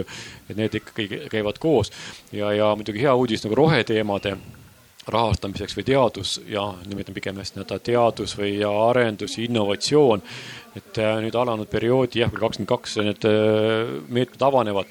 meetmeid on väga palju ja ka Maarja viidatud Ida-Virumaa näiteks äh, õiglase ülemineku fond, kus on kolmsada nelikümmend miljonit eurot, mis suunatakse ainult Ida-Virumaale. noh, see on ikkagi lõpuks meie ülikoolide enda teha, ka olla ise aktiivsed seal ja näiteks Tehnikaülikoolil on väga ambitsioonikas kava, kuna, kuna meil on Kohtla-Järvel Virumaa kolledž, kes on küll, tõsi küll, siiamaani tegelenud palju põlevkiviga, just põlevkivi nii-öelda põletamisega, põlevkivi oksüdeerimisega läbi põletamise, aga, aga põlevkivi on ka võimalik oksüdeerida mitte läbi põletamise ja süsihappegaasi kinni püüda. ja, ja ka palju, palju muid teemasid, et, et meil on valmistatud ette visioon Ida-Virumaale kompetentsikeskuse loomine, meil on Vidrik Virumaa digi- ja rohepöörde innovatsioonikeskus. et äh, ma võib-olla siin natukene jah, nii-öelda leevendaks seda kriitikat, et äh, riik meil midagi ei anna, aga ülikoolid peavad ise olema ka hästi aktiivsed ja pigem proaktiivsed just äh, nii-öelda näitama, ütlema, keda on vaja ja ka uute tehnoloogiate loomisel. loomulikult sotsiaalne innovatsioon ja rohe, roheteemad ei ole ju ei ole ju, no täpselt samamoodi on nad nii-öelda sotsiaalsed teemad, kui on nad ka tehnoloogilised teemad. ja, ja ka see nii-öelda eeldab ja nõuab ka ju nii-öelda inimeste väärtushinnangutes muutmisi et see on nagu ikka, see on mm. nii, nii kompleksne ja, ja horisontaalsed teemad. jah, Helen, palun. et jah, ma ka nagu jutuga haakis enda peas see, et äh, KIK-i vaates on täpselt sama see seis, et, et kuidagi see olukord on kuidagi järsku kohale jõudnud, et noh, meedia on umbes aasta aega seda hästi tugevalt toetanud, seda infofooni teket. et okei okay, mm, teisiti enam ei saa, mingi muutus on ja noh, meil ajalooliselt selles mõttes ülikoolid on noh, suht tublid äh, taotlejad. et aga noh, seesama taotlemise protsess on sama, et ta on nagu iseloomult selline konkurents ja killustatud, et tuleb voor, tulge võistlema, noh, tegelikult on kõik tublid olnud selles mõttes mõttes, et ikka umbes miljon aastas ära toovad riigilt äh, sealt äh, KIK-i keskkonnatasude või siis eurotoetuste, eelkõige keskkonnatasude rahakotist. ja noh, need teemad on seal metsandus, elurikkus, merendus, aga võib-olla jälle see moment, et aga tegelikult võib-olla peaks juba ringmajanduses meie silmad olema või digirohepöörde mingite potentsiaalide nagu äh, siis rakendusuuringutes, et, et võib-olla see moment ja, ja noh, siin on nagu meil jälle samamoodi mõttekoht, et noh, me oleme nagu ülikoolidega selles koos, aga et anda ka see selgem sihik, et me ootamegi uuringuid uuringuid vot sellisel teemal, sest see on oluline ja noh, ühest küljest neid ära kuulata, mida nemad äh, ise tunnevad, et peaks uurima Eesti jaoks, aga mida ka riigi poolt siis näeme, et äh, mis on vaja uurimist, et, et jah, selline uuringute pott on üsna korralik, aga mis alati on raske teema, muidugi see taristu, et äh, ikka ju tahetakse ka seda hoonet siis noh, ressursitõhusamaks ja siis on võib-olla dilemma selle rahastusinstitutsiooni vaates, et, et tegelikult ju jah, see nagu loogiliselt tundub meile, et see peaks riigieelarvest olema ja siis Haridus-Teadusministeeriumi pärusmaa, mitte siis keskkonnatasudest. et see on sihuke väga maksude filosoofiline küsimus juba. ja mm. -hmm. ja Grete sul oli kommentaar? ja ma jäin lihtsalt mõtlema, et äh, korra, see oli vist paar aastat tagasi siinsamal Arvamusfestivalil, kui me noh, needsamad teemad olid samamoodi, kõik põles, maja põles ikka, arutasime, kes maksab ja tuletõrje eest, kui kutsume ja äkki ikka ei pea kutsuma. aga et äh, mulle nagu meeldis üks, ühe korra mis muidugi ei ole võib-olla siis nagu kõikne pilt, aga, aga noh, sageli need äh, loodusteadlased, kes uurivadki seda elusat süsteemi, ökosüsteemi, nad ütlevad, et me teame lahendusi, me teame lahendusi, meil ei ole enam midagi uurida. hakkame tegema et äh, kuidas ülikool saaks jõustada seda, et hakkaks muutus pihta ja just nimelt ma saan aru, et noh, et, et üks väga nagu vale võte on panna vastutus eraisikule sina oled süüdi, eks. vastutus on suurkorporatsioonide poliitikute põimingutel tegelikult, eks ju. et, äh, et kuidas nagu, et kas ülikool saaks küsida, et aga kuidas me siis neid äh, täna täiesti teaduspõhiseid, teadaolevaid lahendusi põllumajanduses mosaiiksed maast, maastikud muudaks Eesti elu väga palju paremaks, nii ökoloogilises kui sotsiaalses plaanis. SKP-d natuke väiksemaks paari põlluärimehe jaoks, aga nad ei jääks ka vaeseks, absoluutselt mitte onju, samamoodi me teame, kuidas äh, teha püsimetsandust niimoodi, et ökosüsteemid säiliks, metsaökosüsteemid säiliksid. me teame, kuidas äh, meil on vaja tarbimist ja tootmist vähendada industrialiseeritud riikides, me teame väga palju lahendusi. aga mitte keegi ei küsi, et kas me saaksime jõustada neid lahendusi nii, et nad jõuaksid äh, süsteemse muutuseni. ei, ikkagi see üksik tarbija on süüdi, pane kraan kinni, kui hambaid pesed. mis on tegelikult naeruväärne ja tähelepanu juhtimine täiesti ebaolulisele tasandile. aga kas see on teaduskommunikatsiooni probleem või, või siis selle, et otsustaja ei kuula teadust või? või kuidas see? Jah, et noh, et minu arust see näide, kuidas noh, seesama näide, et me fossi-, et me keskendume sellele ühele probleemile, näiteks fossiilkütused ja kliimamuutus ja siis arvame, et kui me näiteks puitu põletame, ehk siis me põletame elurikkust, on ju, mis on meie põhiline kindlustuspoliis, eks ju. meie jääme ellu, kui meil on ökosüsteemid, mis on toimivad, on ju, siis see on ääretult rumal, mis, mis tekitabki küsimuse, et kas see on siis teadus, see on ju teadus, et süsinikku ei tohi emiteerida, lihtsalt see on ka teadus, et aga mitte selle viisiga me peame leidma kolmanda viisi, ehk siis ma ei tea, kas see on teaduskommunikatsiooni küsimus või see on noh ma ei tea, et see ongi küsimus ülikoolidele, et kas me saaks selle teemaga ka tegeleda. korra See- ütlen vahele Maarjale, et äh, kõigile, kes võib-olla siin hiljem liitusid, et kuna eelmine arutelu läks kümme minutit üle, et siis me võtame ka selle kümme minutit endale lisaks. ja kui on mingeid küsimusi, et siis äh, pange küsimused juba valmis, et äh, hakkan kohe varsti võtma küsimusi publiku käest ka. jah. Nii, ja nüüd ma pean meelde tuletama, mis mu, mis mu kommentaar oli, aga mm, ja et ma tahtsin öelda, et tegelikult seal on hästi suur äh, küsimus ka tegelikult äh, üldises lobis ja PR-is nagu globaalselt, et selles mõttes see, see, et me kas peaks kasutama plastkõrt või, või mingit kookos või mis iganes muud kõrt, noh, see tegelikult äh, on sihuke üks mingi mikroelement sellest tegelikust probleemist on ju, et, et see me kuskil oli mingi tore infograafik, et umbes sada vist suurkorporatsiooni põhjustavad umbes kuuskümmend protsenti heitmetest, et, et noh, tegelikult peaks nendega tegelema. aga, aga et noh, neid, neid nagu see, see, see ei ole sihuke triviaalne asi, mida lahendada, sellepärast et see eh, noh, ma ei tea, meil tõenäoliselt ei ole need lobigrupid nii tugevad kui paljudes muudes riikides maailmas. aga, aga noh, tõenäoliselt seal paljudes asjades on ka, ka nagu lobi taga, et eh, noh, ausalt ma ei tea, mis on äh, selle otsuse taga, et hakkepuitu ajada nagu äh, Narvas nagu ahju, et äh, see ei kõla väga nagu mõistliku plaanina. aga, aga nagu selles mõttes, et äh, aga jah, just nimelt, et see on mingite huvigruppide hea töö. et pigem peaks uurima, kes neil seda lobi tegi ja seda kasutama aga, aga et nagu, et, et, et noh, see on, see on selle tõenäoliselt taust äh, jah, see oli, see oli selle konkreetse kommentaar aga ma ikka hoiataks meid selle mõttelõksu eest ka, et äh, tegeleme selle energeetikaga ära ja siis vaatame ülejäänusid ka, hakkame vaikselt liikuma, onju, et äh, noh, selle, mul on hästi läinud hinge, oli äh, üks Charles Eisenstein on, kellel on podcast'id ja ta hästi keskkonna üle muretseb. ja siis ta ütleb, et on niisugune nähtus nagu süsiniku reduktsionism et me taandame kõik tonnidele ja kliimaneutraalsusele ja vot siis saabub taevamanna ja õndsus ja nirvana onju. et äh, esiteks selle, nii kui me selle tonnile taandame, siis me hakkame leiutama lahendusi, kuidas pikendada seda kaifi ja mm. nagu leida uusi innovaatilisi lahendusi, kuidas äh, nulli osta ennast. ja, ja teine on see tõesti, et see tonn on hästi kollektiivne ja see on täpselt see, et äh, Grete, kas sina teed selle kliimamuutuse ära või, või mina või, et lepime kokku või? et me kõik, igaüks nagu oleme selles koos ja peame nagu oma asju nihutama Mm -hmm. et ja noh, see ei pea olema ka sihuke tuum ja kluum, et me nüüd õudselt oma elustandardist loobume ja, või siis meid ootab katastroof, vaid me kuidagi nagu astume väikeste sammudega nagu natuke parema poole, onju jah, ei no muidugi väiksed sammud on ka positiivsed, aga ma arvan, et praeguses olukorras on meil vaja päris suuri, suuri ja mastaapseid samme teha. aga see kõik taandub, mis te rääkisite, et põhi nagu süüdlane nii-öelda on see suur korporatsioon. Ja see suurkorporatsiooni juht ja tema töötajad on ju ka kunagi ülikoolis käinud, ehk siis see kõik ikkagi taandub tagasi sinna haridusele, et kuidas me ikkagi koolitame neid vastutustundlikke ettevõtjaid ja jah, Grete, tahad kommenteerida? lihtsalt ütlen, see on nüüd hästi inetu kommentaar, filmitakse või? kunagi, äh, kusjuures sada suurkorporatsiooni kunagi Aleksander Pulveri ähm, loengutes, kes rääkis patoloogiatest, noh te, tegelikult on võimalik, et need sada ongi päriselt, et ne, et neid haridus ei riku, sest neil võib olla täitsa nagu geneetiline psühhopaatia. tegelikult ka, filmitakse või? Aga noh, tegelikult nii on, et, et see geneetilist psühhopaatiat leidub rohkem tipp, tipp-poliitikute ja tippärimeeste hulgas väidetavalt. ehk siis no., et neid ne,, pole vahet, kas nad käisid ülikoolis.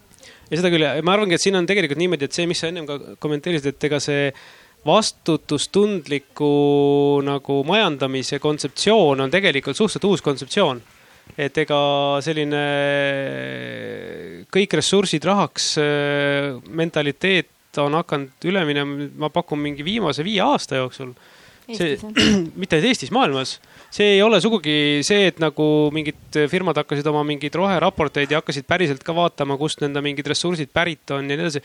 see on sihukese üldise keskkonnasurve mõjul tekkinud ja ma pakun, et see on ikkagi noh, suhteliselt lühike ajaskaalane, võib-olla on kümme aga, aga see kõik need, ega ma ei tea, enamus neid suurkorporatsiooni juhte ja juhtkondi on, ma pakun oluliselt vanemad kui, kui see kümme aastat, et seetõttu ma arvan, et et äh, see on osaliselt sihuke peer pressure, aga, aga suures enamuses tehakse seda sihukese rubber stamping uga, et noh, tõesti noh, ma tean, et äh, Bolt on Eesti sihuke poster boy osaliselt, aga noh, ma ei tea, kas kuskil eh, Nigeerias või kus iganes või vihmametsas ühe puu ostmine siin see nagu sõidu päris ära keskkonna tasakaalustab, et noh, see on ka sihuke natukene butafooria.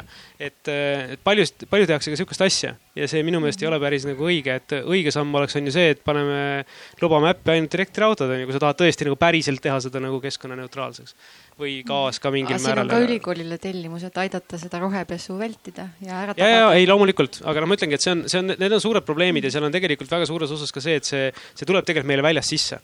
Et ma ei tea ka päris, kui palju me saame seda ise teha, sest seda, no me näeme kasvõi selle Covidi raames, et kui, millise R-iga lollus levib, et see on ikka hullem kui, hullem kui rõugide Covid ise, et et selles suhtes selle, see, see, see ei ole lihtne ülesanne seda nagu ravida. Seda kindlasti, aga see kommentaar, et kui mitu aastat äh, kogu see teema on aktuaalne olnud, et siis, siis ma võin küll öelda, et Eestis on ikkagi noh, kümme aastat vähemalt me oleme nii-öelda maas nendest riikidest, kes on juba nagu kauem arenenud, et kasvõi Hollandi näitel, et Sander, sina õppisid äh, Hollandis, mis sa ütlesid, kaks tuhat kaksteist ja kaks tuhat neliteist või? ei, Hollandis õppisin kaks tuhat kuusteist kuni kaheksateist. okei okay., aga mis sa näiteks soovitaksid Eesti kõrgharidussüsteemile, et mis, mis sulle tundus, et seal oli nagu selline äh, eeskujulik, et mida me võiksime üle, üle võtta? no mina õppisin Utrechti ülikoolis, mis on äh, neli aastat noorem kui Tartu Ülikool ehk üsna vana äh,, sihuke vana akadeemiline ülikool äh, ja seal oli eraldi äh, äh, nii-öelda Earth and Sustainability äh, teaduskond äh,, mille all oli siis äh, erinevaid äh, osakonnad, üks oli, üks oli siis äh, keskkonnateaduste osakond, kus oli viisteist eriala et noh, see mingil, mingis mõttes näitab seda mastaapi, kui kaugele ollakse jõutud, mis erinevate nurkade alt äh, asju õpetatakse. et äh, noh, Hollandis teadupärast on väga suur äh, äh, nii-öelda vee majandamise oskus ja, ja, ja äh, kuna ja ne, neile see ve, vere, merevee pinnatõus läheb väga palju korda Äh, sest kui su üle poole su riigist on vee all, siis, siis, siis iga, iga sentimeetri, mis üle, üle sealt tammi tuleb, on, on probleem. et, et, et see, seetõttu äh, on, on see üks, üks väga suur osa. et, et aga kui sa küsid, et mida näiteks kaasa võtta sealt või mida me võiksime Eestis teha, et äh, üks väga vastuoluline teema on äh, hariduse keel ehk et Hollandis või selles ülikoolis oli seitsekümmend protsenti õppekavasid inglise keeles, mis osaliselt lahendab seda probleemi, et meil ei ole, et meil ei ole piisavalt tudengeid, kes, kes tuleks seda ainet õppima. aga see, kui su, kui su nii-öelda sihtturg ei ole ainult Eesti, vaid on kogu maailm, siis on potentsiaali saada neid tudengeid palju rohkem. et, et noh, see on kompleksne küsimus ja nõuab laia, laia ühiskondlikku arutelu, aga, aga niimoodi on võimalik, võimalik ka nii-öelda arendada õppekavasid, mida võib-olla ainult Eestis muidu avada ei saaks mm. -hmm. aitäh, väga põnev arutelu on olnud, vaikselt peame hakkama kokku tõmbama. et ma nüüd annakski võimaluse publikule ka küsimusi küsida. jah, kohe annan mikrofoni ka. nii ja see on sees. ja noored, see on sees. ongi nüüd juba ja tuleb. on sees. ja ma siin alguspoole noored daamid vist rääkisid üsna sageli sõna süstemaatiliselt. kas Grete võtad omaks, on, on ei, ma ütlesin sõna süsteemne. süsteemselt. ja ma ütlesin komplekssed, komplekssed süsteemid ja, ja nende sinu omad. poolt tuli jah, ja vot see, vot ma olen kaua elanud juba küllaltki ja mulle tuleb meelde, kuidas äh, Brežnev, meil oli selline riigijuht nagu Brežnev, kas te mäletate, noored daamid? Mäletame. jah, umbes aastal tuhat üheksasada kaheksakümmend, nelikümmend aastat tagasi ta peaaegu igas kõnes ütles ma, mulle tuli uuesti meelde, neljakümne aasta tagune, see oli, see oli nii tore nali. aga noh, ju ta siis on ikkagi süsteemne lähenemine on, on ikkagi veel noh, tahab, tahab leida kohta siin meie elus. ja nüüd ma küsin, ma tegin teile vigureid natuke, aga las, kannatage välja. see ja teine on mitu üli, mitmest ülikoolist me täna siin rääkisime? me rääkisime Tallinna Ülikoolist, Tartu Ülikoolist, TalTechist ja siis veel Tehnikaülikoolist. mina tean, et meie rektoriga töötame Tallinna Tehnikaülikoolis aga te töötasite vist, tütarlapsed töötasite mõnes teises ülikoolis, see oli teine nimi. mina olen TalTechis ja. mina olen ka TalTechis.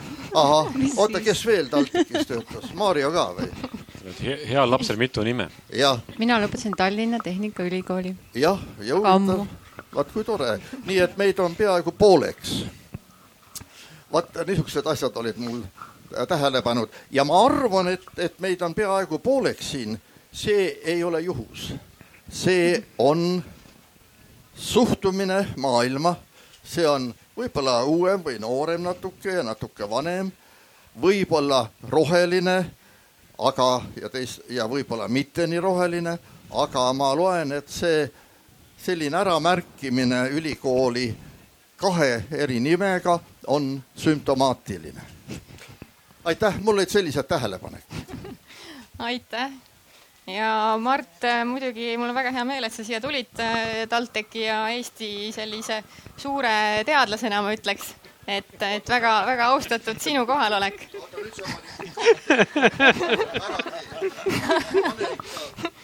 Tallinna Tehnikaülikooli aitäh. kas meil on veel küsimusi publikust? kohe toon mikrofoni ka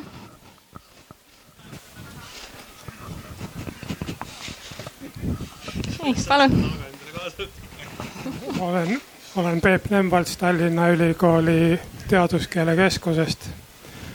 mul ei ole küsimus niivõrd kui väike kommentaar, et eh, siin oli tore kuulata sellest, kuidas räägitakse rohestamisest ehk jätkusuutlikkusest ehk kestlikkusest. ja nagu tavaliselt ikka, siis enamjagu sellest jutust kisub ikka kas looduskeskkonna ja kitsamalt kliima poole või siis majanduse poole. Õnneks on meil siin Grete, kes püüdis arutelu juhtida järjekindlalt äh, mõtlemise ja ajutöö radadele. ja käis ka läbi niisugune märksõna nagu horisontaalne. tähendab, ma saan aru nii, et äh, see rohestamise ehk kestlikkuse jutt peaks läbima kõiki teadusi, kõiki erialasid. ja see on just nimelt mõtlemisega seotud mõtlemine teatavasti on ka keelega seotud. nii et me ei pääse üle ega ümber sellest, et äh, meil on vaja mõelda ja kui meil on vaja mõelda, siis me mõtleme alati mingis keeles. ja, ja see peaks olema niisugune läbiv mõtlemismall kõikides ülikoolides, kõikidel erialadel. meil on olnud nüüd õnneks Tallinna Ülikoolis tosinkond aastat doktorantuuris kõikidele erialadele eesti teaduskeele ja terminoloogia õpe. aga kuidagi ei ole õnnestunud seda mõtteviisi viia magistri ja bakalaureuse astmele kuigi kõik doktorandid erialast olenemata, kes sellele kursusele tulevad, imestavad, et miks nii vajalikku ainet ei ole varem olnud eelmistel õppeastmetel. nii et ilma keeleta ei saa me mõelda. võidakse küll öelda, et on ka kujundlik mõtlemine kunstnikel ja mõnel muul alal veel või et piisab matemaatikast, aga ega ikka igal pool ei piisa küll et midagi tuleks ka selles osas ette võtta mitte ainult ühes ülikoolis, vaid kogu kõrghariduses. ja olgu siin öeldud, et ega see ei ole ainult Eesti piires oluline. meil tuleb oktoobri alguses, seitsmendal, kaheksandal rahvusvaheline konverents Rahvuskeeled teaduses ja kõrghariduses mm, -hmm. kuhu tuleb osalejaid Jaapanist Mehhikoni ja Põhjalast Araabiani. et sellele mõeldakse igal pool maailmas, aga seda oleks vaja rohkem ja süsteemsemalt, nagu Grete ka püüab seda mõtet edendada, aitäh. ja aitäh, kas te saaksite mikrofoni sinna edasi anda, palun? Grete, tahad kommenteerida? hästi lühidalt ütlen, et aitäh selle, selle täienduse eest, et keel on taju eri, eriline vorm, on öelnud mõtlemise uurijad.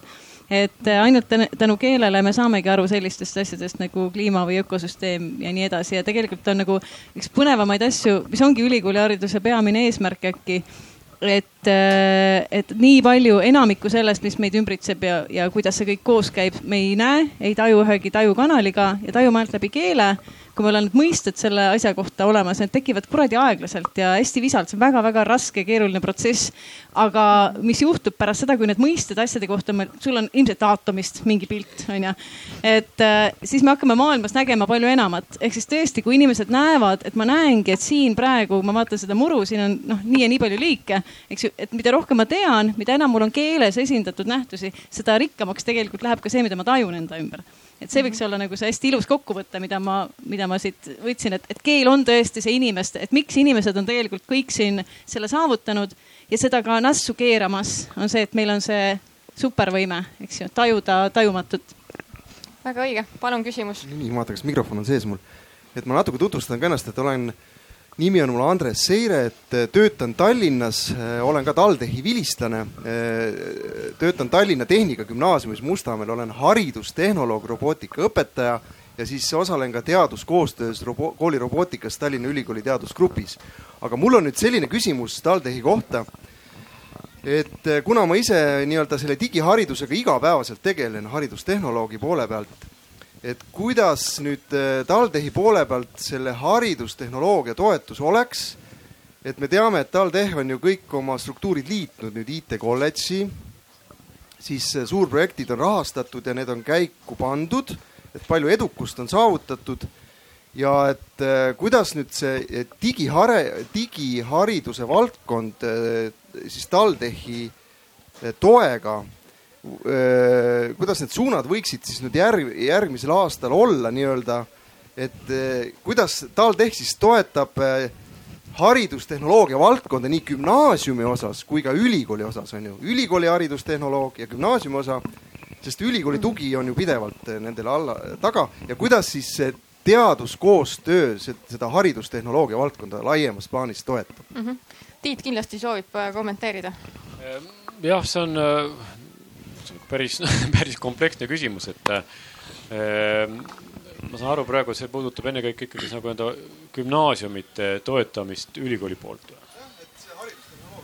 ja, ja no jah, jah, jah, kas see võib olla haridustehnoloogia või ülikool, ülikool, Tehnikaülikool või teised ülikoolid toetavad ja teevad koostööd ka noh, ütleme teiste gümnaasiumitega ja ka teiste, teiste erialadega, et äh, haridustehnoloogia vallas konkreetselt äh, Äh, on, äh, võib-olla Kaisa oskab seda ka üle, üle veel kommenteerida, et äh, Tehnikaülikoolis on, on nii-öelda, mis nii-öelda koostöö koolidega on läbi erinevate tasandite, üks on Gemektori, aga teine on suurem koostöö on toetamine on läbi avatud ülikooli, kus on siis noh, ma ei oska konkreetselt praegu öelda nüüd haridustehnoloogia vallas või mingis muus vallas.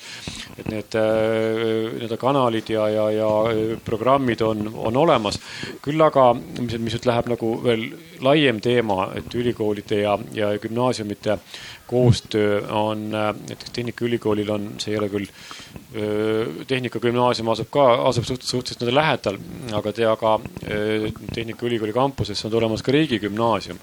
ja see on nagu laiem teema, et kui, kui me tulime selle juurde, et ka mida Maarja rääkis, et kuidas loodusteadusi, loodusteaduslikke erialasid rohkem toetada, siis ülikoolid näevad väga nii-öelda olulise osana näevad nii-öelda laiemat toetamist ja koostööd just ka just selles, selles vallas, et tõsta ka nii-öelda koolide keskmist nii-öelda taset, et kui meil näiteks sel aastal lõpetas, gümnasistide hulgas lõpetas, kes tegid riigieksamit, matemaatika laia eksamit, neid sooritajaid viiekümne viie punktile sajast ja, ja üle oli kaks tuhat ükssada mis on Tehnikaülikooli lävend, siis me näeme, et meil on, on väga-väga suur, suur enda piir on ees.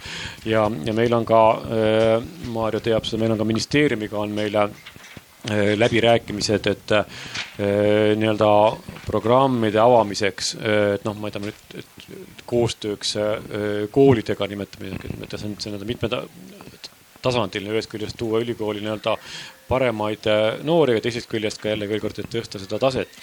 aga mis puudutab jah nüüd haridustehnoloogia, ma arvan, et see kõik läheb nagu ühte, sinna ühte, sinnasamasse ja, ja, ja üks meede tuleb veel juurde loodetavasti, mis äh, tähendab ka need rahalised meetodid, on Inseneriakadeemia Ehm, kus siis ülikooli, ülikoolide, ennekõike Tehnikaülikooli, aga mitte Tehnikaülikooli, vaid ka tehnika, ka Tehnikakõrgkool ja, ja seal ka programmis on ka eh, veel mõned eh, lausa kutsekoolid, et eh, nii-öelda teha koostööd just nii-öelda inseneri valdkonna ja sinna läheb ka IT, et neid, ma usun, et neid nii-öelda neid meetmeid tuleb, tuleb järjest juurde, aga, aga ma arvan, et selleks, et nüüd konkreetselt rääkida, ma arvan, võiks, võiks eraldi rääkida, see on natuke laiem teema ja aitäh küsimuse eest, et kindlasti võime eraldi ja hiljem ja tulevikus sellest veel rääkida, et ma tegelikult panelistidele ka lubasin, et see poolteist tundi on nii lühike aeg, et kindlasti tahaks nagu veel arutada, aga kahjuks peame otsad kokku tõmbama.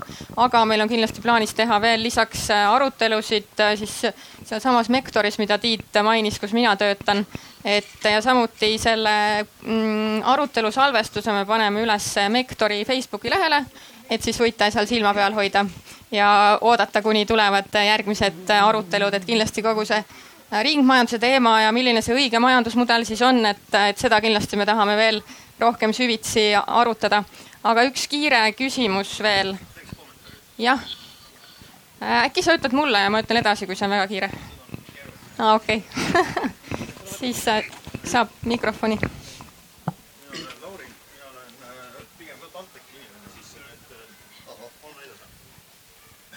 nupp üles. ta läheb natuke aega. nii, nüüd on, mina Lauri, olen pigem TalTechi inimene, sest ma olen kaks aastat olnud ülikoolis, nii et, et järelikult võib, võib, võib, võin öelda uue nimega. aga et siin oli, Maarja mainis Bolti, et, et noh, et, et, et Boltile nad ei, kõik asjad ei käi päris nagu rohe, rohemajanduse põhimõtete järgi, aga et noh, nagu teada, et äh, startup'e teevad ju drop-out'id, eks, et äh, Markus äh, kukkus välja pärast poolt aastat ülikoolis, nii et noh, ikkagi need, see peab algainetes esi, esimese poole aasta jooksul peab nagu mingi õige suund nagu antud olema, et, et noh, pärast enam ei, ei jõua järge. tahab keegi kommenteerida ma nüüd kiiresti äh, annan veel äh, võimaluse, et kui keegi tunneb, et tahab veel kiiresti midagi öelda, siis äh, siin on teie võimalus kiire kommentaar või remark veel siia lõppu. ja Grete? ma võin pakkuda lihtsalt, et, et üks innovatsiooni idee et hästi innovaatiline, ma ei tea, milline ülikool selle julgeb välja öelda, et et loobuks majanduskasvu ideest. Et ma, et noh, et äh, see on pikk lugu, miks see on mõistlik, aga ma just leiutasin duši all eile kalambuuri, et et, et loobuks ka pseudo, pseudomajanduskasvu või, või pseudolahenduste ideest, et äh, rohepööre tundub olevat äh, majanduskasv või jätkamine teiste vahenditega et, äh, et ma arvan, et see on nagu see, noh, see on suund, mida me võiks, noh, me võiks seda iseendale välja öelda, et me tohime mõelda teistmoodi, et täna on teisi majandusmudeleid olemas ja mis tagavad suurema õnnelikkuse nii inimeste kui keskkonna suhtes, seda me tegelikult tahaksime. teine mõte on see, et mis oleks, kui lõpetaks keskkonnaprobleemide lahendamise ja peataks nende tekitamise, sest iga lahendus teeb tohutult probleeme juurde, lihtsalt äh, suunab fookuse mujale väga hea, see oligi nüüd sissejuhatus meie järgmisesse arutellu, mida me sügisel hakkame tegema, aitäh.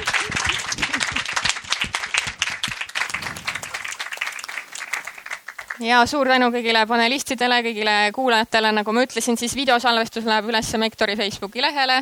võite jälgida ja üle kuulata, kes ei jõudnud võib-olla algusest peale. ja kohtume siis sügisel uute, uute aruteludega. aitäh. selge see,